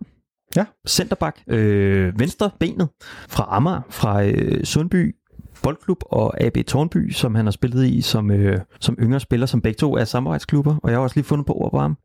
Han er fysisk stærk og duelstærk med en fremragende venstrefod og et veludviklet hovedspil. Han er taktisk klog, og hans defensivt spil er utrolig stærkt. Men han er også rigtig god til at igangsætte det offensive spil med gode afleveringer fremadrettet. Han giver sig altid 100%, og vi glæder os til at følge ham i hans videre udvikling, siger Sune Schmidt. Det er noget en præsentation. Det lyder ja. jo næsten som om, vi har den nye øh, Sanka på vej, eller noget af den stil. Ja. Jamen, det lyder super. Jeg tror, jeg tror godt nok, han har lang vej til førsteholdet øh, lige nu. Og det mener du, fordi at... Jamen, fordi at Victor... Victor hvad, nu har jeg Nielsen. glemt, hvad han hedder. Men Ja, den Victor er, Nielsen. Ja, Victor Nielsen. han, øh, han er råd på bænken jo. Ja. Øhm, der er i hvert fald en, der står foran ham i køen, og mm-hmm. han er, Mhm. Victor Nielsen er også forholdsvis ung, og Mm. planen er vel for pokker stadigvæk, at han skal sælges for en hulens masse penge. Mm. Men jeg, jeg tror altså stadig, tror du ikke, altså, den forsvarskabale der, ender det ikke med, at Bøjlesen ryger ud på vensterbakken, og igen, og så Victor Nielsen ind i forsvaret, og så er der måske ikke så lang vej fra, øh, fra Valdemar Lund. Nej, det er rigtigt. Altså, det- du, i den der kabale, der har du allerede glemt to spillere, som sidder vel også på en forholdsvis dyr løn. Altså, der er både en Ragnar Sigurdsson, og så er der en Bjelland. Ja. Så jeg det vil tænker, sige, i alt nu her, hvis vi lige tæller sammen, så har vi jo altså Sanka, Bøjlesen, Nielsen, Ragnar, Bjelland, Valdemar Lund. Mm. det er seks, mm. seks center, centerbacks. Mm. Ja, det er i hvert fald... Øh, altså jeg vil sige, det giver mening at have fire plus et ung talent. Mm-hmm. Så jeg, jeg synes egentlig ikke, den er helt skæt. Altså hvis, hvis, øh, hvis vi går ud fra, at Ragnar ikke får forlænget sin kontrakt, Ja. øhm, så synes jeg egentlig, det giver meget god mening. Altså så synes jeg, det, så er vi meget godt dækket ind der. Mm. Jeg synes ikke, det er for meget. Det, det er fint. Mm-hmm. Og det er rigtig fornuftigt, altså. Øhm, så kan han jo komme ind og få nogle kampe i pokalen, og lidt minutter til sidst, når vi fører 203 0 over Ja. Brøndby og sådan noget der, ikke? Så, øhm, Og jeg har set ham nogle gange ude, på, øh, ude til, hvad hedder det, U19, og jeg synes, øh, han ser super spændende ud. Dygtig, stor spiller. Øh, og duelstærk, det er virkelig også øh, det prædikat, jeg vil sætte på ham. Altså, han, han matcher øh, de fleste på det der U19-niveau der i hvert fald. Hvad med sådan rent staturmæssigt? Er han en stor, øh, stor fætter, eller? Jeg tror, at det er der, man vil fokusere på, at han skal lægge noget på, hvis han skal spille seniorfodbold, fordi at han, er, han har nok ikke det fysiske, øh, altså han er, ikke nok, han er nok ikke fysisk stærk nok Mm. mm. til, Hvad høj- til seniorfodbold. Fordi man kan jo let få bygget nogle muskler på. Hvad med højdemæssigt? ja, med højde, der, der er han perfekt. Der er en fin. Jamen, så skal, musklerne skal vi nok få bygget på ham, altså. Det, der er interessant også ved Valdemar Lund, det er jo, bet- betyder det, at øh, han har overhældet Jakob Hov, eller hvordan han var Ja, det gør det nok. Men det er jo interessant, fordi det var ham, der var spået til at være det største talent, ikke? Jakob Hov. For et stykke tid siden, men så fik han en, øh, en skade, der holdt ham ud i ret lang tid, og så er han måske blevet overhældet den vej igen. Okay, men han kan jo nå at komme tilbage, så altså en skade, der holder en ude i lang tid i sådan en ung alder der, det sætter jo en vildt langt tilbage, men det er jo ikke noget, der ikke kan indhentes igen, kan man sige. Ja, ja. Men det er da interessant, at vi får sådan nogle spændende spillere, fordi det er altså nogle spændende spillere, de her drenge her. Jeg er helt vild med også øh, Valdemar Lund. Altså en Amager-dreng. Er det ikke lidt fedt at få en Amager-dreng med? Øh? Altså, jeg, jeg vil sige, lige om det er Amager, altså jeg vil hellere en Frederiksberg-dreng, fordi det er det, jeg er fra. men, men altså, Nå, København, altså, hvis vi skal Københavner-drengen. re- repræsentere sådan hele København Nå, og sådan noget, så er det sgu da fedt at have Ja. en Amager-dreng. Jo, Altså. jeg har intet, intet, ingen ord, ingen... Det er øh, heller ikke for Amager, men, intet øh, ondt om jeg, Amager. synes, jeg synes bare, det kan noget. Jeg er, bare, altså, jeg er glad for, at det er fra København. Det synes jeg, det gør vildt meget for mig. Om det så lige er fra den ene eller anden bydel, det betyder ikke vildt meget. Men jo, lad os da bare få nogle Amager-drenge også. Jeg synes, det er lidt interessant, at øhm, i forhold til det her, alle de her nye talenter, vi forlænger med, og, og det her nye strategi, vi også hører med, ja, som sagt, at øh, de spillere, der ligger lidt i periferien de skal erstattes med unge talenter. Øh, og så kommer der et citat, eller et, et, en artikel på bold.dk i går eller forgårs, øh, hvor Jes Torp snakker lidt om, at, altså, ja, jeg tror, jeg læser citatet op. Øh, overskriften er, øh, FCK-træner om transfers skal være bredere. Og Jes, han udtaler, for mig handler det om at få så meget kvalitet som muligt ind i truppen. Det skal være sådan, at uanset hvem der starter, og hvordan vi skifter ud, så er det det samme høje niveau, vi holder. Eller hvis vi er ramt af corona eller skader, for der har vi manglet lidt på det seneste, siger Jes Og det synes jeg jo er en lille smule spøjs der, for det lyder som om, øh, det kan også godt være, at journalisten her, han har taget mm. Jesses ord ud af kontekst på en eller anden måde. Det er nok lidt det, jeg hælder til. Ja. Fordi det går bare lidt imod det her med, at øh, altså, hvis de, det Jes siger her er, at, at vi har manglet lidt på det seneste. Det vil sige, de her unge talenter, som har fået en del spilletid på det seneste på grund af Ja. coronaen, Ja. det har ikke været nok. Så derfor skal vi ud og have kvalitet på de pladser. Jeg det tror, forstår jeg ikke. Jeg tror primært, det handler om de offensive pladser, og jeg tror primært, det handler om, at vi simpelthen ikke har haft nok at skyde med fra bænken af. Vi har haft uh, Rasmus Højlund, og det er jo også fint, men, men vi skal også bare i vores startopstilling, han skal kunne være klar mm. til at sætte det på, fra bænken af, hvis mm. der er nogle skader eller coronatilfælde, eller hvad der nu kommer. Yes. Men, men vores startelver skal være Ja. etablerede spillere, Ja, men det synes jeg giver super så, så derfor så er det fordi, vi, han, han, altså det han siger mellem linjen, det er, at vi mangler en spiller. Ja. Okay, Jamen, den køber jeg. Den, øh, den tror jeg faktisk, du er fuldstændig ret i.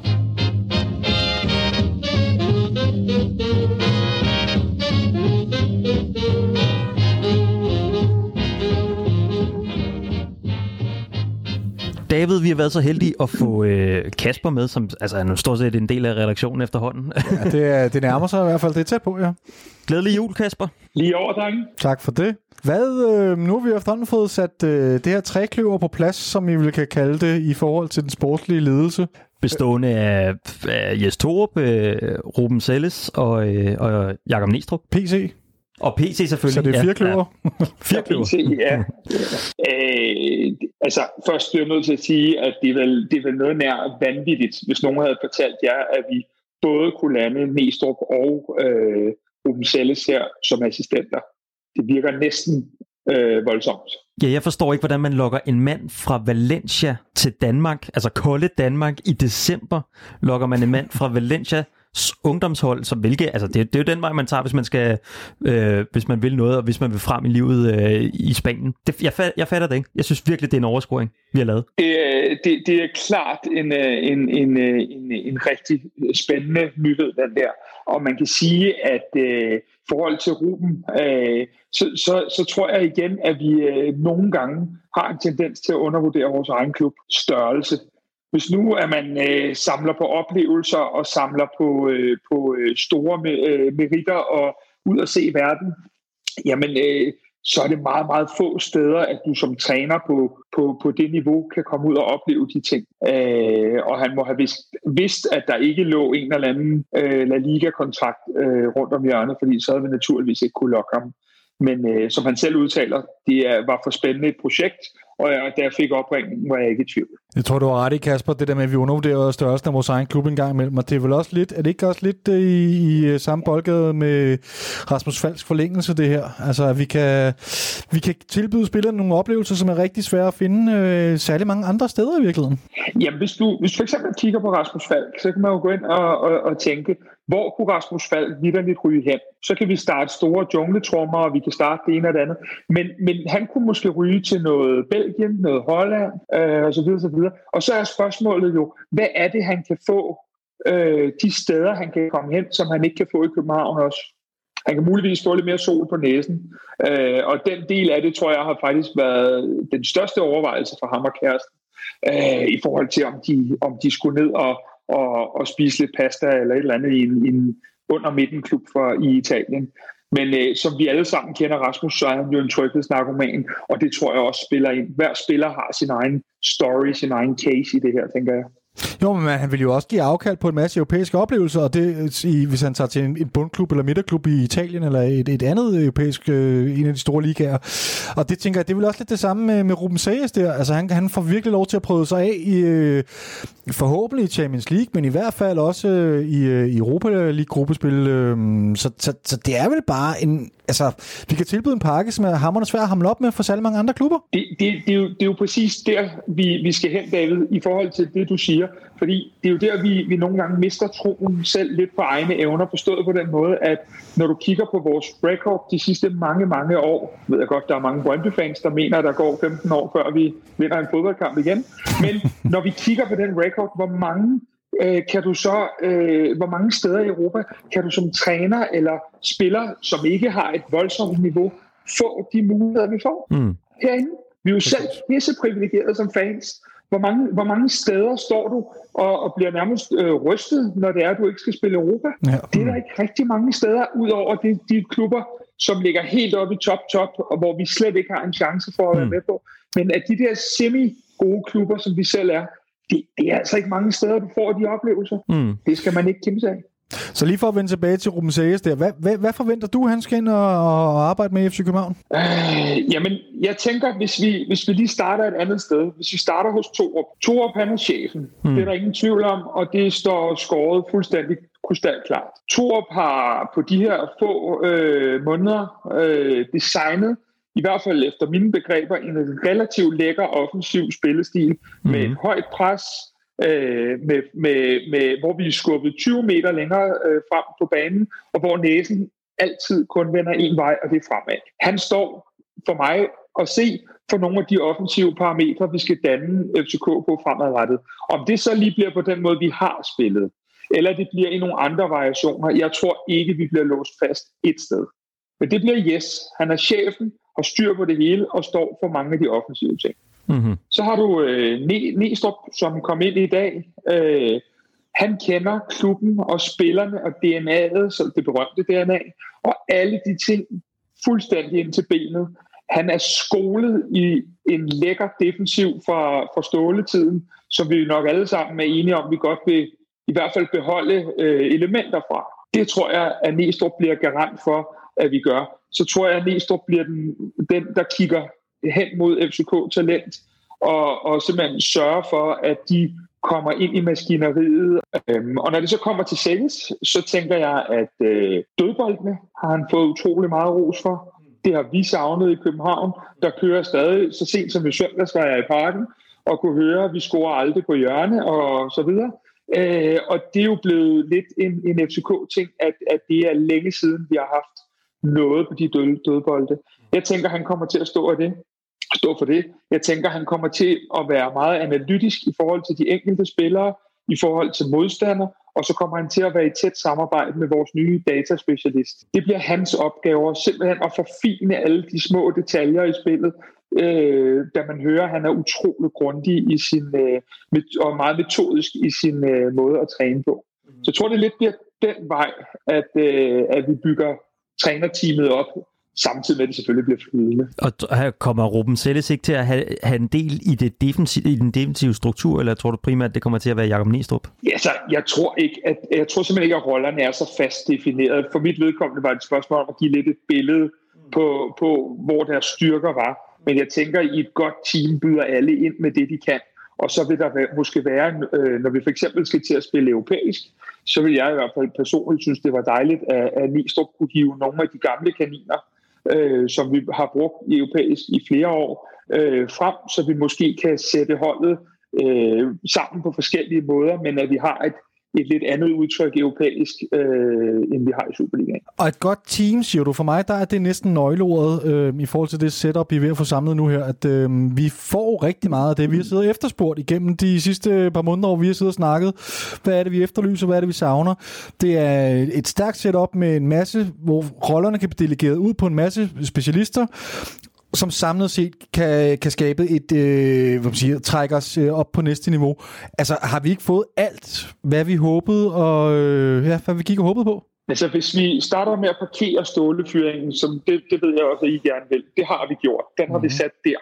Mm-hmm. Så du kigger på den dagen efter, hvor vi ja. skal kigge til at kigge fremad. Præcis. Så tror jeg ikke, der var mange, der havde, der havde øh, tænkt at vi kunne stå med så voldsomt et team rundt om, øh, om, om førsteholdet. Mm. Øh, og i den forbindelse skal vi også huske, at vi har fået en øh, Sune Schmidt-Nielsen øh, i en endnu større rolle i klubben, øh, og som skal ind over en masse omkring udvikling og innovation fremadrettet.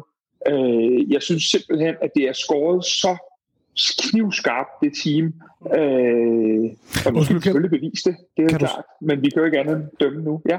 Kan du sætte lidt flere ord på Sune Smiths øh, gamle kontra nye rolle? Hvor, hvor, hvor er det, han øh, får indflydelse nu kontra før? Jamen, altså, det, det, det, det er selvfølgelig svært, fordi det, det nævner de ikke særlig meget om i artiklen. Men jeg tænker, at, at, at øh, hvis vi skal skære den ind til benet, så tror jeg, at Sune er kommet en, en my tættere på første hold. Ja. Øh, jeg tror, at øh, han stadig har en masse opgaver, øh, selvfølgelig nedad i systemet, men jeg tror, han bliver en vigtigere brik i at, at, at, at, at få sammensat den udvikling, der skal være mellem et, undskyld, et, et U19-hold og så det rigtige hold. Jeg tror, at der bliver en masse udvikling i den transition, der skal ligge der, fordi vi har, vi har ikke haft for vane at have mere end en, to oppe per årgang til, til førsteholdet for urækkerne, hvis vi har været rigtig heldige. Til sommer tæller jeg faktisk, at vi øh, kan nærme os noget af det, som jeg også har været inde på i radioen før, der kan hedde med lidt held og nogle transfervinduer, der hjælper os af med nogle spillere, 16-8 eller noget, der ligner, når jeg så tæller Mo og Vind med øh, i den øh, ligning også. Og der tror jeg, han får en vigtig rolle i forhold til, hvordan vi forbereder dem bedre, ja.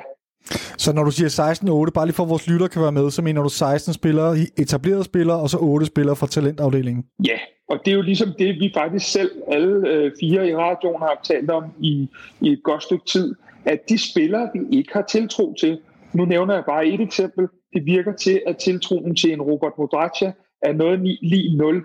Han får maks 5, 7, 9 minutter i kampene, de kampe, han overhovedet er med i truppen, de kampe, han kommer ind, så er det, at, at når du så kigger på, jeg ved ikke, hvad han tjener, men når du kigger på hans løn, samtidig med, at du kigger på, at vi for eksempel har en type som Alexander Hjelmhoff, der har lidt de samme kompetencer, hvorfor er det så, at vi skal blive ved med at tilbyde spillere øh, den høje løn for at være helt ude i periferien, hvis vi har nogle talenter, som vi kan gribe selv. Øh, det skal vi give chancen meget mere. Og så, jeg ved godt, det er nemt sagt, være mere sikre på vores øh, første 16.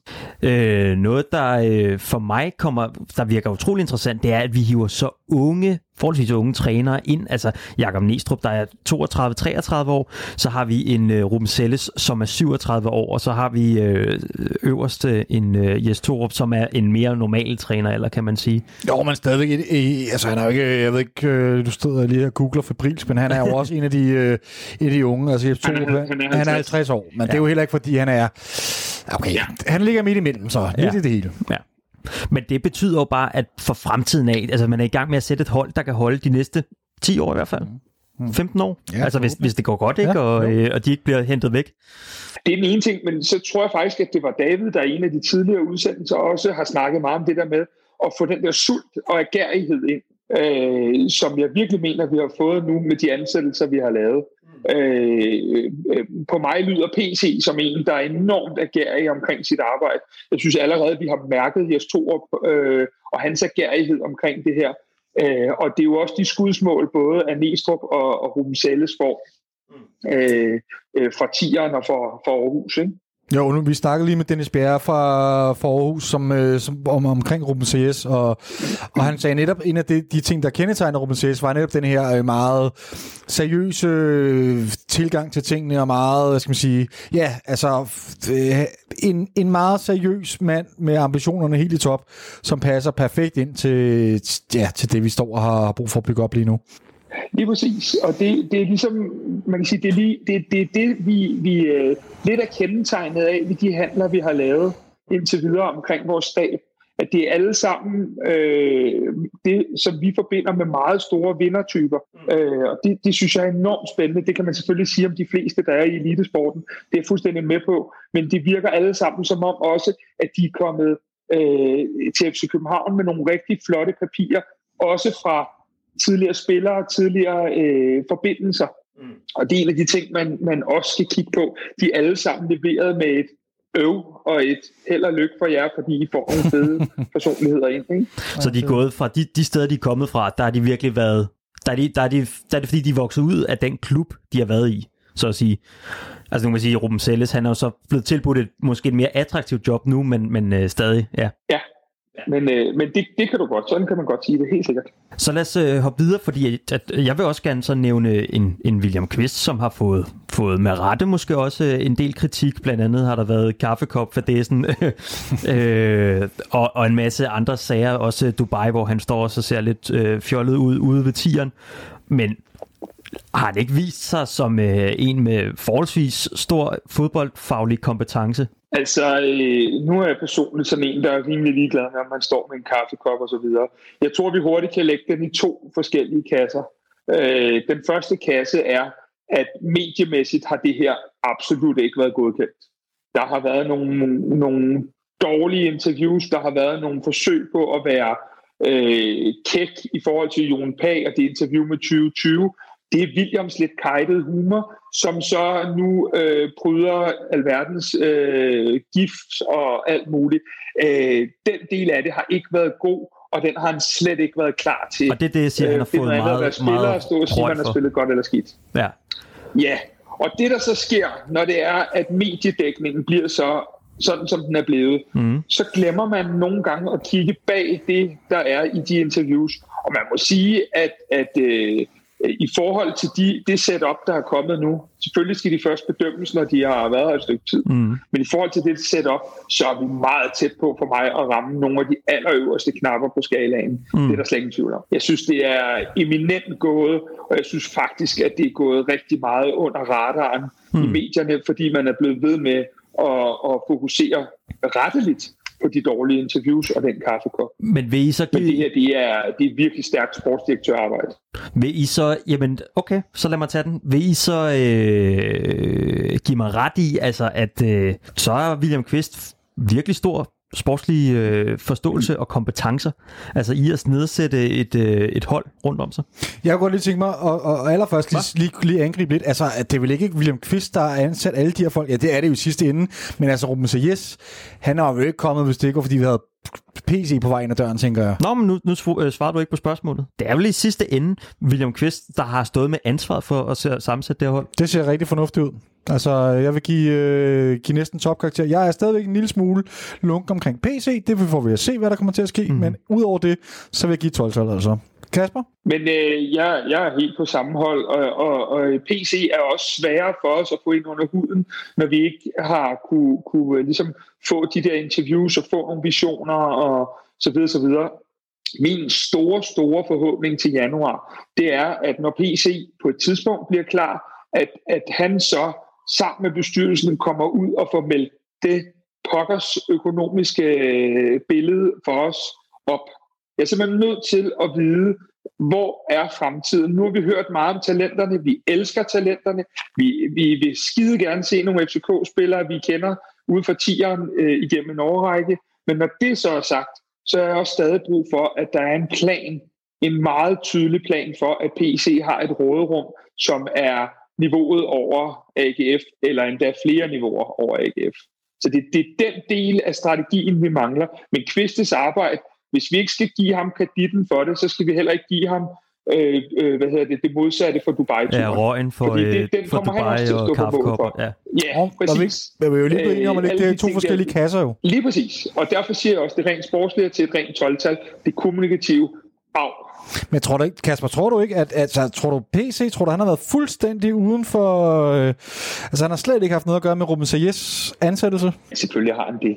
Altså, øh, selvfølgelig kan man sige, når du er en stor spiller, som vi er i Superligaen, øh, så er jeg faktisk ikke i tvivl om, at vi selv godt var klar over, at manden er frygtelig dygtig. Men selvfølgelig har PC da øh, kommet til at tabe en enkelt sms på gulvet, eller noget af den stil. Det er der, der ingen tvivl om. Øh, det, det, alt andet vil være, ja, det skal man, ja, Yes. det, det vil være gak og løjer at, at snakke om.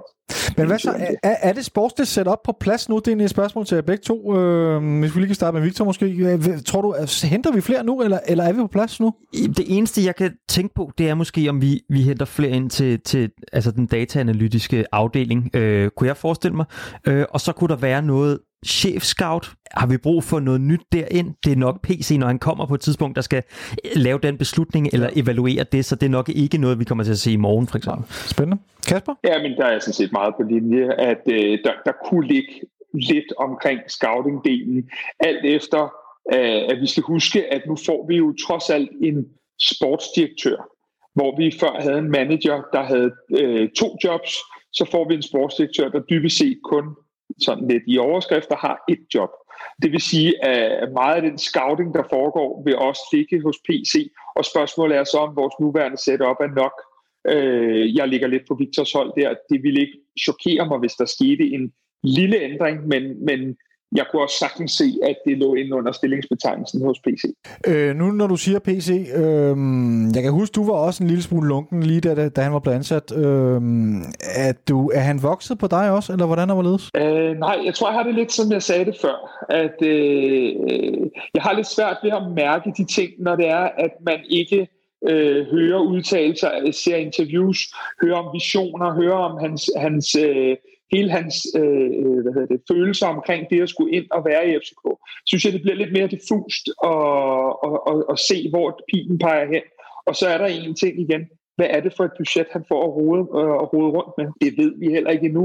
Og det er jo det, der er så væsentligt, for vi skal jo selvfølgelig bedømme PC anderledes, hvis økonomien ikke er på samme hylde, lige så vel som vi skal bedømme ham lige så hårdt som Ståle, hvis det er, at øh, økonomien er på samme hylde, som den hele tiden har været. Og det er den udmelding, som jeg tænker, der gør, at Bo Rygaard er krøbet lidt i flyverskjul, det er fordi, han sidder med lomregneren og regner på rigtig mange forskellige tal her. Men også fordi, at han har, altså, de har jo bevist nu lidt, at øh, de har jo, altså det er jo det, vi har kritiseret bestyrelsen for gentagende gange, også herinde i radioen, at øh, har de den sportslige know-how? Det virker, virker jo som om, at... Øh, ja, Kvist har, de, har de, i hvert fald. Har de, nå, ved vi, om det er Kvist? Det er jo bestyrelsen, og man kan sige, at William Kvist er en del af bestyrelsen, så den det er nok, har vel noget, det er noget nok sportsligt know-how? Det er nok ikke øh, på Rygaard, der har fundet Ruben Sayes frem, eller nogle af de andre. Han er, Nej, men så har han fundet en William Quist, der kunne ja, finde dem. Altså, jo, jo.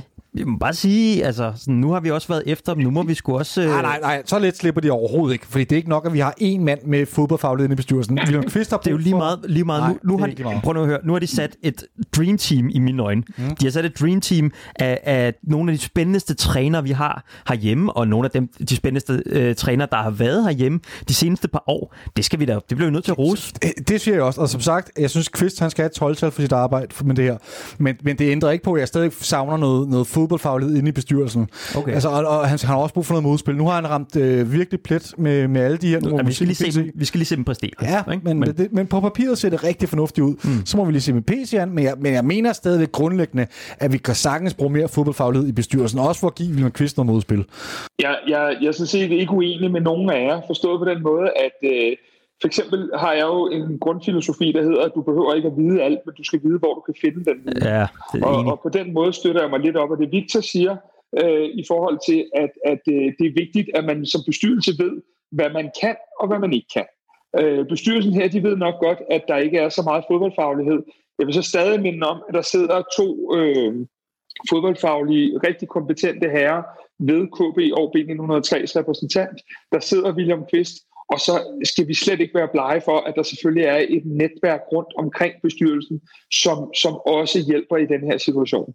Så selvfølgelig har David ret i, at vi kunne godt bruge øh, det der advisory board, som vi har talt om så mange gange, men der er nogle kompetencer i bestyrelsen, og det her det har i hvert fald også vist, at vi ikke er helt på månen, for så havde vi ikke ansat den gruppe, vi havde. Ja, men det kunne jeg kunne ikke være mere enig. Altså, jeg synes virkelig, altså, det, det er jo, man hiver jo nogle, nogle navne frem nu her, altså som, jeg har ikke set dem i nogen andre medier, og så hiver man dem frem her. Men hvor stiller det også den dag, Kvist han tager, pakker sin øh, kufferter og smutter et andet sted hen, eller går ned med stress eller et eller andet. Det nytter ikke noget, vi har en mand, som tegner hele klubben. Nej, men det ved vi jo heller ikke om, altså, ah, nej, men det... ved, vi ved ikke, hvem der har været med til at træffe de her beslutninger, men andet end, at det ser super spændende ud, altså, ikke? Jeg siger bare, det, det er vel det, vi er ved at bygge nu. Ja. Øh, jeg var så heldig, at da FCK sendte klubhuset sidste gang, der var jeg så heldig at få mit spørgsmål med omkring det der advisory board til William Kvist.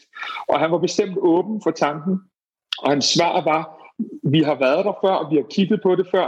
Lige nu skal vi have organisationen, organisationen på plads, og derefter så er det selvfølgelig en af de ting, vi godt kunne kigge på fremadrettet. Øh, så det er lidt det der med lige at skulle kravle, før vi kan gå. Det er ikke et advisory board, der er lige nu på trapperne, fordi vi skal lige have vores samlet så mange nye mennesker, der skal lære at connecte først. Men han var bestemt åben for ideen, og det ser jeg som det helt sprængende i forhold til, til at, at, at hjælpe bestyrelsen øh, fremadrettet. Og det synes jeg er helt fair. Og så synes jeg, der er en lille detalje, som... Ja, det synes jeg også. Øh, der er en lille detalje, som, som øh, jeg ikke kan lade være med at tænke på. Øh, Jes Torup, han siger i søndags til medierne, at øh, der er nogle herrer, der skal træffe en beslutning. Min tolkning af det er, at der er nogle i bestyrelsen, der skal træffe en beslutning. Hvis det er rigtigt, så er det jo også det første tegn af det, vi har talt rigtig meget om, omkring at lede op af. For det er faktisk en direkte ude i medierne, han går ud og siger, der er nogle herrer, der skal træffe en beslutning. Jeg er ikke i tvivl om, at det, de herrer, det handler om noget i bestyrelsen, der skal træffe nogle beslutninger omkring nogle ting i forhold til økonomien. Og at det er rigtigt, så er det da godt nok den første lille bold, vi ser øh, nede fra Jes Torup og opad.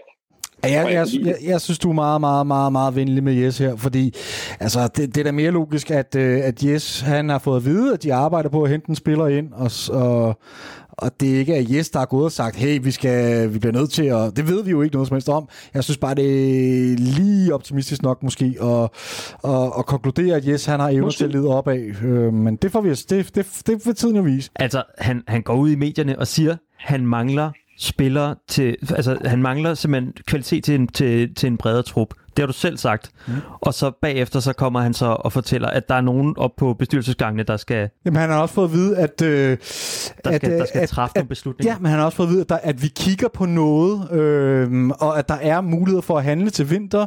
Det er jo ikke ham, der har taget det. Det ved vi jo ikke, men det er formentlig bestyrelsen, der har taget de her beslutninger. Nej, men han er i hvert fald ude at sige, at han kigger på vores trup, og der mangler noget kvalitet. Ja, selvfølgelig. Ja, ja. Yes. Øh, som den 12. Jeg synes bare, der er lang, lang, meget stort skridt derfra, så konkludere til, at, at Jes har øh, evner til lede opad. Hvis han går ud i medierne også og siger, jeg har brug for bredere kvalitet på, på øh, 12. 13. mand, altså dem, der man også sætter ind for bænken af, så går han vel også indirekte ind og siger, til dem, der sidder længere op i bestyrelsen. Altså, at jeg har brug for et budget. Jo, jo, men du finder jo ikke nogen træner, som ikke vil gå ud og argumentere for, at de skal have bedre spillere og flere penge at handle for og nye. Ja, Nå, men kvalitet. det er jo ret markant at se det nu. Ja, men det kan jo også være en efterresolution. Han har fået at vide, der bliver handlet, og så er det jo lidt for ham så at sige. Skal du, altså, ja. Men ja, det er høn og ægget. Og det er jo ikke nogen af os, der ved, hvordan Nej, det er opstået. David har sølvpapirshatten på. Og Nej, overhovedet ikke. Jeg er bare lidt kritisk. Overhovedet ikke. Der er ikke nogen, der konkluderer noget som helst. Men jeg vil ikke have en sølvpapirshat på for det her. det kan I tit give mig på, men øh, lige for den her, der synes jeg ikke, øh, det, det er fair at give mig sølvpapirshatten på. Nej, jeg er da fuldstændig enig. Jeg tænker bare, at, at nogle af de ting, vi har været bange for, det har været, har vi fået sat en organisation, der kan lede op af. Så det er klart, at vi også er nødt til at kigge efter de små spæde tegn, der kommer i forhold til at kunne lede op af. Er det rigtigt? Det er der ingen af os, der ved. Men vi har i hvert fald en indikation på, at JSB øh, prøver at præge, at vi i hvert fald har øh, noget mere at skyde med, sådan så vi ikke ser som de sidste kampe, at vi er gået en lille smule døde, og at, øh, at vi ved nogle skader og lidt corona, øh, er nødt til at stille med noget 5. 6. valg op foran. Ja, den, den, den, den køber jeg gerne. Men, men så, lad os da, altså, så lad os, da, lad os prøve at lege lidt med ideen om, øh, hvem det er, at øh, man kunne forestille sig, der bliver, der bliver hævet nye spillere ind eller noget. Det siger Jes, der gør. Kasper, har du hørt noget ud fra, det, fra de berømte vandrør? Hvad foregår der? Ja, vi skal jo altid, øh, ja, altså vi skal, vi skal jo altid forholde os til, at, at, at vi hører rigtig mange ting, og rigtig meget af det af ting, vi ikke kan bruge. Øh, en gang imellem kommer der noget, som på en eller anden måde fastholdes, og de rigtige mennesker til tider øh, slipper et lille hint her og der. Øh, og uden at det skal blive sådan en eller anden form for gætteværk, så kan man sige, at øh, rygtet omkring Jakob Brun Larsen er stærkt tiltagende øh, i de her dage. Og øh, sammenholdt med Jes Torups udtalelser om, at øh, der er nogle herrer, der skal beslutte sig om noget, øh, så vil jeg ikke blive dybt chokeret, hvis vi så Jakob Broen øh, tage med på træningslejr øh, sammen med de andre. Men det, det lyder jo næsten vanvittigt, fordi altså, vi taler om en spiller, der lige nu på transfermarkedet står til 60 millioner. Altså, det er jo næsten det dobbelte af, hvad vi nogensinde har brugt på at gå ud og hente bare én spiller. Men Fischer har garanteret også stået til 60 millioner på et eller andet tidspunkt på transfermarkedet. Ja, altså, jeg tænker lidt, at øh, der, der var en artikel for noget tid siden, hvor at øh, Hoffenheims sportsdirektør blev citeret for, at øh, de meldinger, der gik på Jakob Brun og den overgangssum, der var blevet betalt til Dortmund, var øh, rimelig urealistiske. Øh, jeg tror ikke på, at Hoffenheim har betalt øh, helt det beløb, som der har været i, i rygtet i medierne. Det jeg så tror, det er, at øh, ligesom for os, så er der jo nogle spillere, der mister en pokkers masse værdi relativt hurtigt. Øh, Hoffenheim har hentet Young. Øh, Skov løber også og spiller dernede på, på den plads. Øh, mere eller mindre, som Jakob Brun også kan spille. Øh, nogle gange kan man også bare sige, at ligesom vi selv har set herinde, nogle spillere, vi havde, havde, havde købt for, for rigtig mange penge, øh, en Uros Macic for eksempel, øh, en, en Lyfner, og jeg ved, David, du har en liste af angriber, du kan nævne nu, øh, så må man bare acceptere, at der kommer et tab på de spillere en gang imellem. Øh, og det man kunne forestille sig, tænker jeg, det er ikke, at vi går ud og køber noget lige nu. Det jeg kunne forestille mig var, at man kunne lave en anden lejeaftale, man kunne have en anden form for option, hvis vi røg i noget europæisk øh, øh, kvalifikation, så, så, kunne den, så, så kunne vi få ham til x antal kroner. Og så skal vi igen huske det, som Lars Seier har sagt. Er der en speciel case, så kigger vi på den. Og hvis der er noget, der er en speciel case, så er det denne her. Men, men, men altså alligevel, nu senest så jeg på øh, Jakob Bruns Instagram, han er tilbage i Hoffenheim, han har været i Danmark nu her de, den, den seneste uges tid og så videre. Altså, er, er det ikke helt urealistisk? Jamen altså, vi, vi snakkede om det sidste uge, og vi har snakket om det flere gange. Vi snakkede også om det i sommer. Altså, han, øh, han har hele tiden været rygtet til klubben, og altså, der er jo mange af de her spillere, vi har, vi har hentet gennem tiderne, hvor man har sagt var dybt urealistiske. Brian Laudrup, Victor Fischer, øh, Jesper Grønkær. Der, der, du, kan, du kan nævne en del af de Jesper der... Grønkær. Ja, øh, så altså, jeg synes ikke, at han er mere urealistisk end nogle af de der navne. Det er jo, det er jo et scoop af kæmpe proportioner, øh, men, men, men, men og, og, og måske også normalt uden for vores rækkevidde. Men hvis tingene lige flasker sig, som det måske har gjort i det her tilfælde, så, er- så, så er det ikke fuldstændig vanvittigt. Det er det ikke. Og hvorfor er det mere varmt lige nu? Jamen, det, det er jo... Ja, altså, det er selvfølgelig mere varmt lige nu, øh, fordi at, at, at han ikke har spillet et stykke tid nede i Hoffenheim. Øh, der er andre, der er gået forbi ham. Han står bagerst i køen. Der kommer et, øh, både et EM og et U21-EM osv. videre. Man kan ikke blive ved med at sidde på bænken. Manden er jo så derudover erklæret, selv erklæret endda FCK-fan, og, og sidder til tider i en FCK-trøje og ser øh, hans gode ven Victor Nilsson spille øh, kampe. Øh, der er så mange ting i det her, og så er der en ting, vi måske glemmer lidt. Hvis vi nu leger igen med tesen om, at vi har flere spillere af vores egne, så det er ikke spillere, vi bruger øh, overgangssummer på. Skulle de blive solgt, er det heller ikke noget, vi skal øh, afgive procenter til andre for, og så videre, så videre, så videre. Så er det jo muligt, at man måske kan opgradere lidt på det, der hedder 1-16, og have 1, 2, 3 profiler, der ligger lidt ud over det sædvanlige, hvis du samtidig har Højlund, Bøving, Hjelmhoff, øh, hvad hedder det, Victor Christiansen og så videre, så videre i den anden ende, til måske at trække lidt den anden vej på lønbudgettet. Men hvad, hvad forestiller du? Nu ved jeg godt, du siger, at, at du forestiller dig i første omgang, det vil være en, øh, en lejeaftale, men, men hvis det ender ud i en, i en lejeaftale med en købsoption, øh, hvad, hvad forestiller du os, at vi, vi kunne finde på og have råd til at lægge for en spiller af hans kaliber? Oh, det er jo et sindssygt svært spørgsmål at stille i coronatiden her. Øhm, fordi hvornår kommer vi tilbage på stadion? Hvornår, øh, hvornår hvad hedder det, begynder LaLandia at have fuldt åben igen? Og alle de der forskellige ting. Hvornår øh, eksploderer forretningen igen? Men, men, men havde du spurgt mig inden de her corona-times, og vi har betalt 30 millioner på Pep Biel, og vi havde en ståle, der sagde, at inden for et par år rammer vi nok de 50 millioner, samtidig med, at vi måske sælger for 100, jamen så vi måske, lander vi måske et sted midt imellem på omkring en 40 millioner, hvis vi skal købe ham fri.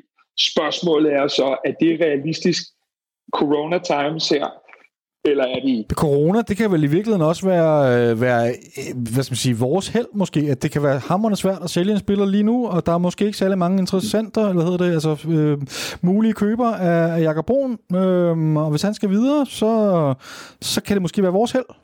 Jamen, øh, den, den går lidt begge veje, den bliver lidt dobbelt, denne her. Forstået på den måde, at det kan blive svært for os at komme af med nogle af de spillere, som vi havde håbet, vi kunne komme af med. Samtidig har du fuldstændig ret, så kan det blive noget, der kan være vores held, at der er nogle spillere. Lad os tage den øh, transfer, vi selv har sludret om i radioen. Øh, vil Oscar Hiljemark have kommet til OB i normale tider? Jeg kunne godt tvivle på det.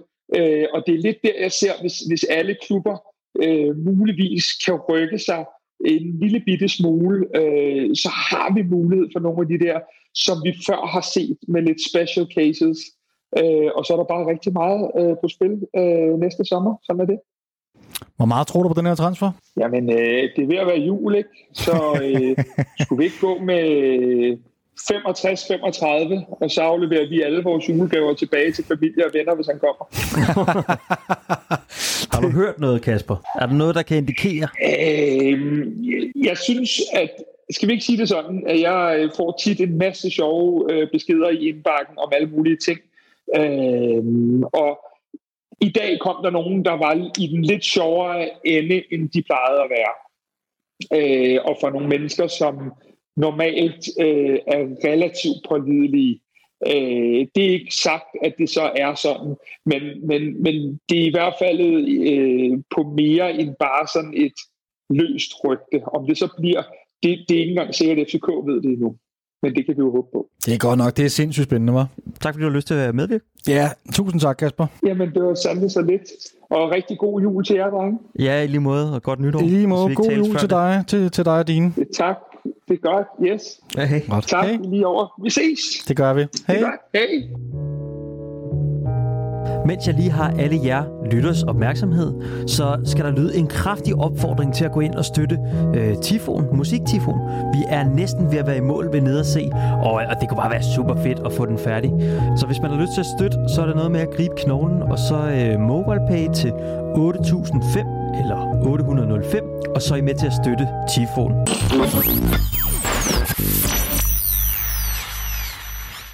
Men lad det være en opfordring til alle til øh, altså stadig at hjælpe den her øh, støtte Tifo-indsamling. Det synes jeg, jeg synes, det er et fantastisk projekt. Ja, der mangler jo lige, jeg ved ikke lige hvor meget, men en tredjedel eller sådan noget er, er nede at se, der mm. mangler at blive dækket i, i, hvidt og blåt. Mm. Så det, det er ja, en kæmpe opfordring. Og så skal det måske også siges nu her. Hvis man har lyttet til Klubhuset, øh, den seneste, det, den- det var fjerde episode, øh, der kom Lars Bo jo også med noget af en bombe, synes jeg personligt. Øh, det er, at alle, der har støttet med enten øh, sæsonkort eller med øh, har, har hjulpet til den her øh, Tifo-musik, at de, øh, de får simpelthen indgraveret deres navn i parken. Ja, det er, så, jeg synes også, det er en totalt fed gestus. Han, er så, han siger jo så også, at han er ikke, de er ikke helt i, det er ikke på plads, hvordan og hvorledes det skal Nej. Gøres det her, men han, de vil også gerne lytte til, til spil, hvad hedder det, fans' forslag til, hvordan Mm. det skal gøres.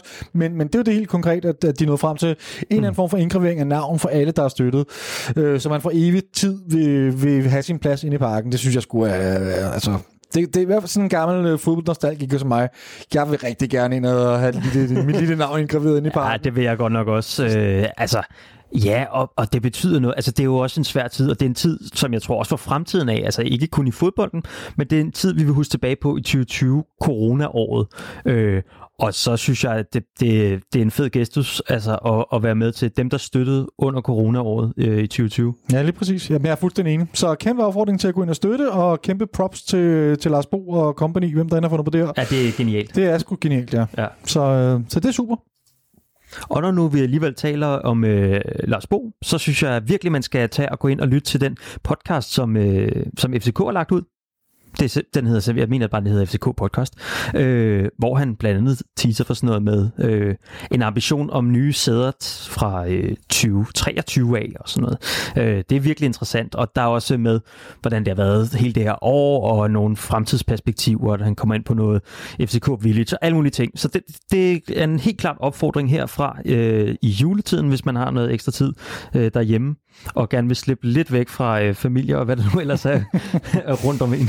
Det kan vi jo alle sammen have behov for. Så, øh, så jeg er inde på fck.dk og finde den øh, sidste nye her fra den øh, 21. 12. Det er spritnyt, og det er nemlig et rigtig øh, interessant lyt. I sommer, der lavede vi en øh, konkurrence øh, sammen med holdet.dk, hvor man skulle sætte øh, efterårets bedste hold. Det er jo den her lille spil eller turnering, de kører inde på øh, ja, holdet.dk. Og øh, vi lå jo præmier til, til top 3. Mm-hmm. Og der øh, vi en afgørelse nu. Ja, vi har jo spillet vores sidste Superliga-kamp, så, øh, så, så der er jo kommet en afgørelse. Du kan bare sende, øh, du kender min adresse, så bare send præmierne til mig, ja. øh, hvis vi lige skal gå igennem, hvem der har vundet, så øh, Niklas, Niklas Filman, M-I-L-C, Milch, og så øh, Martin Andersen. ja, Så, Jamen, okay. Så Niklas på førstepladsen. henholdsvis øh, CF Competa, FC Sega og øh, Mission 14. 14. Ja, okay. Jamen, øh, Det er mega stærkt. fedt. Tillykke. Ja, tillykke. Øh, og i den forbindelse så har vi fået fremstillet, øh, eller vi er i gang med at få fremstillet, en, en særlig øh, William Quist Inception Cup, som ligesom forestiller... Øh, det er en kaffekop, og så forestiller den William Quist, der drikker, ja, det er så nok te, men altså, Nå ja, det skal, nu skal du ikke udlægge det for fanden. nej, Det er kaffe, han drikker. Sådan er det. ja, det er kaffe. Ja. Altså, og så måske på den er der også et billede af William Quist, der drikker. Mhm. Ja, den skal jeg glæde jer til, og så er der selvfølgelig øh, en lidt større præmie til vores første plads, som vinder et gavekort ned til Fanshop På 200 kroner vil jeg bare lige have med. på at, 200 kroner. Ja. Yes. Og så skal vinderne skal lige kontakte os enten på... på Twitter eller Facebook, vores Facebook-side. Ja. Og jeg tror, vi gør det igen øh, her til foråret. Ikke? Ja, det synes jeg er en glimrende idé. Altså, jeg synes, det har været lidt kedeligt, at øh, man har simpelthen kunne have så få FCK-spillere på ens hold, øh, hvis man vil helt op der, hvor det, hvor det er fedt at ligge. Du tænker, fordi FCK har gjort det dårligt? Så Ja, vi har, vi har ikke gjort det særlig godt, og især ikke særlig godt i det her spil. Der er mange af vores spillere, der er forholdsvis dyre, hvis man skal have hmm. dem. Men de har ikke præsteret. Og det er ikke scoret særlig mange mål.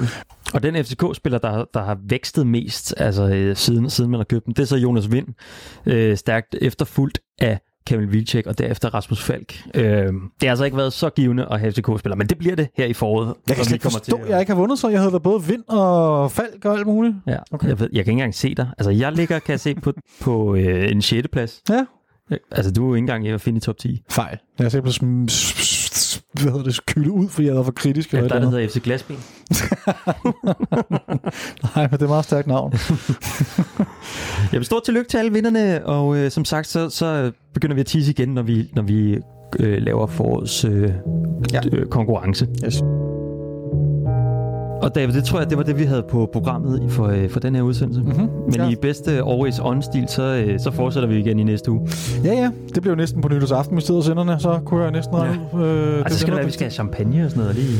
Ja, ja, det kan jeg sagtens ordne. Yes, det synes jeg nu. Også, folk er ved at være trætte af at høre på de der dåsevarer, der bliver åbnet. Så en, en, en champagne, der popper, det ja. kan måske være meget det, fest. det er måske meget fest. Hvad står på programmet på der? Der skal vi jo øh, kigge igennem hele det her sindssyge år, vi har været igennem. Altså, og alle de ting, der er sket øh, på godt og ondt. Så hele 2020 bliver gennemgået, ja, som du siger, på godt og ondt. Ja. Og der, der er jo ikke lidt at tage fat på. Der er jo sindssygt mange ting, der er at tage fat på. Ikke? Jeg kan slet ikke over. Altså, det er jo helt sindssygt. Det bliver, øh, det bliver en, øh, en hæftig udsendelse, men det gør alle vores udsendelser efterhånden. Men der er virkelig meget at tage fat på 2020. Er ja. Ja. du er sindssyg, mand. Øh, bare lige sådan top of your mind. Hvad er største oplevelse i 2020? Øh, det, det, det ved jeg faktisk. Nej, fint. Så har du en uge til at gå og tænke lidt over det, og så kommer du med et rigtig godt svar, øh, når vi snakkes ved øh, næste uge.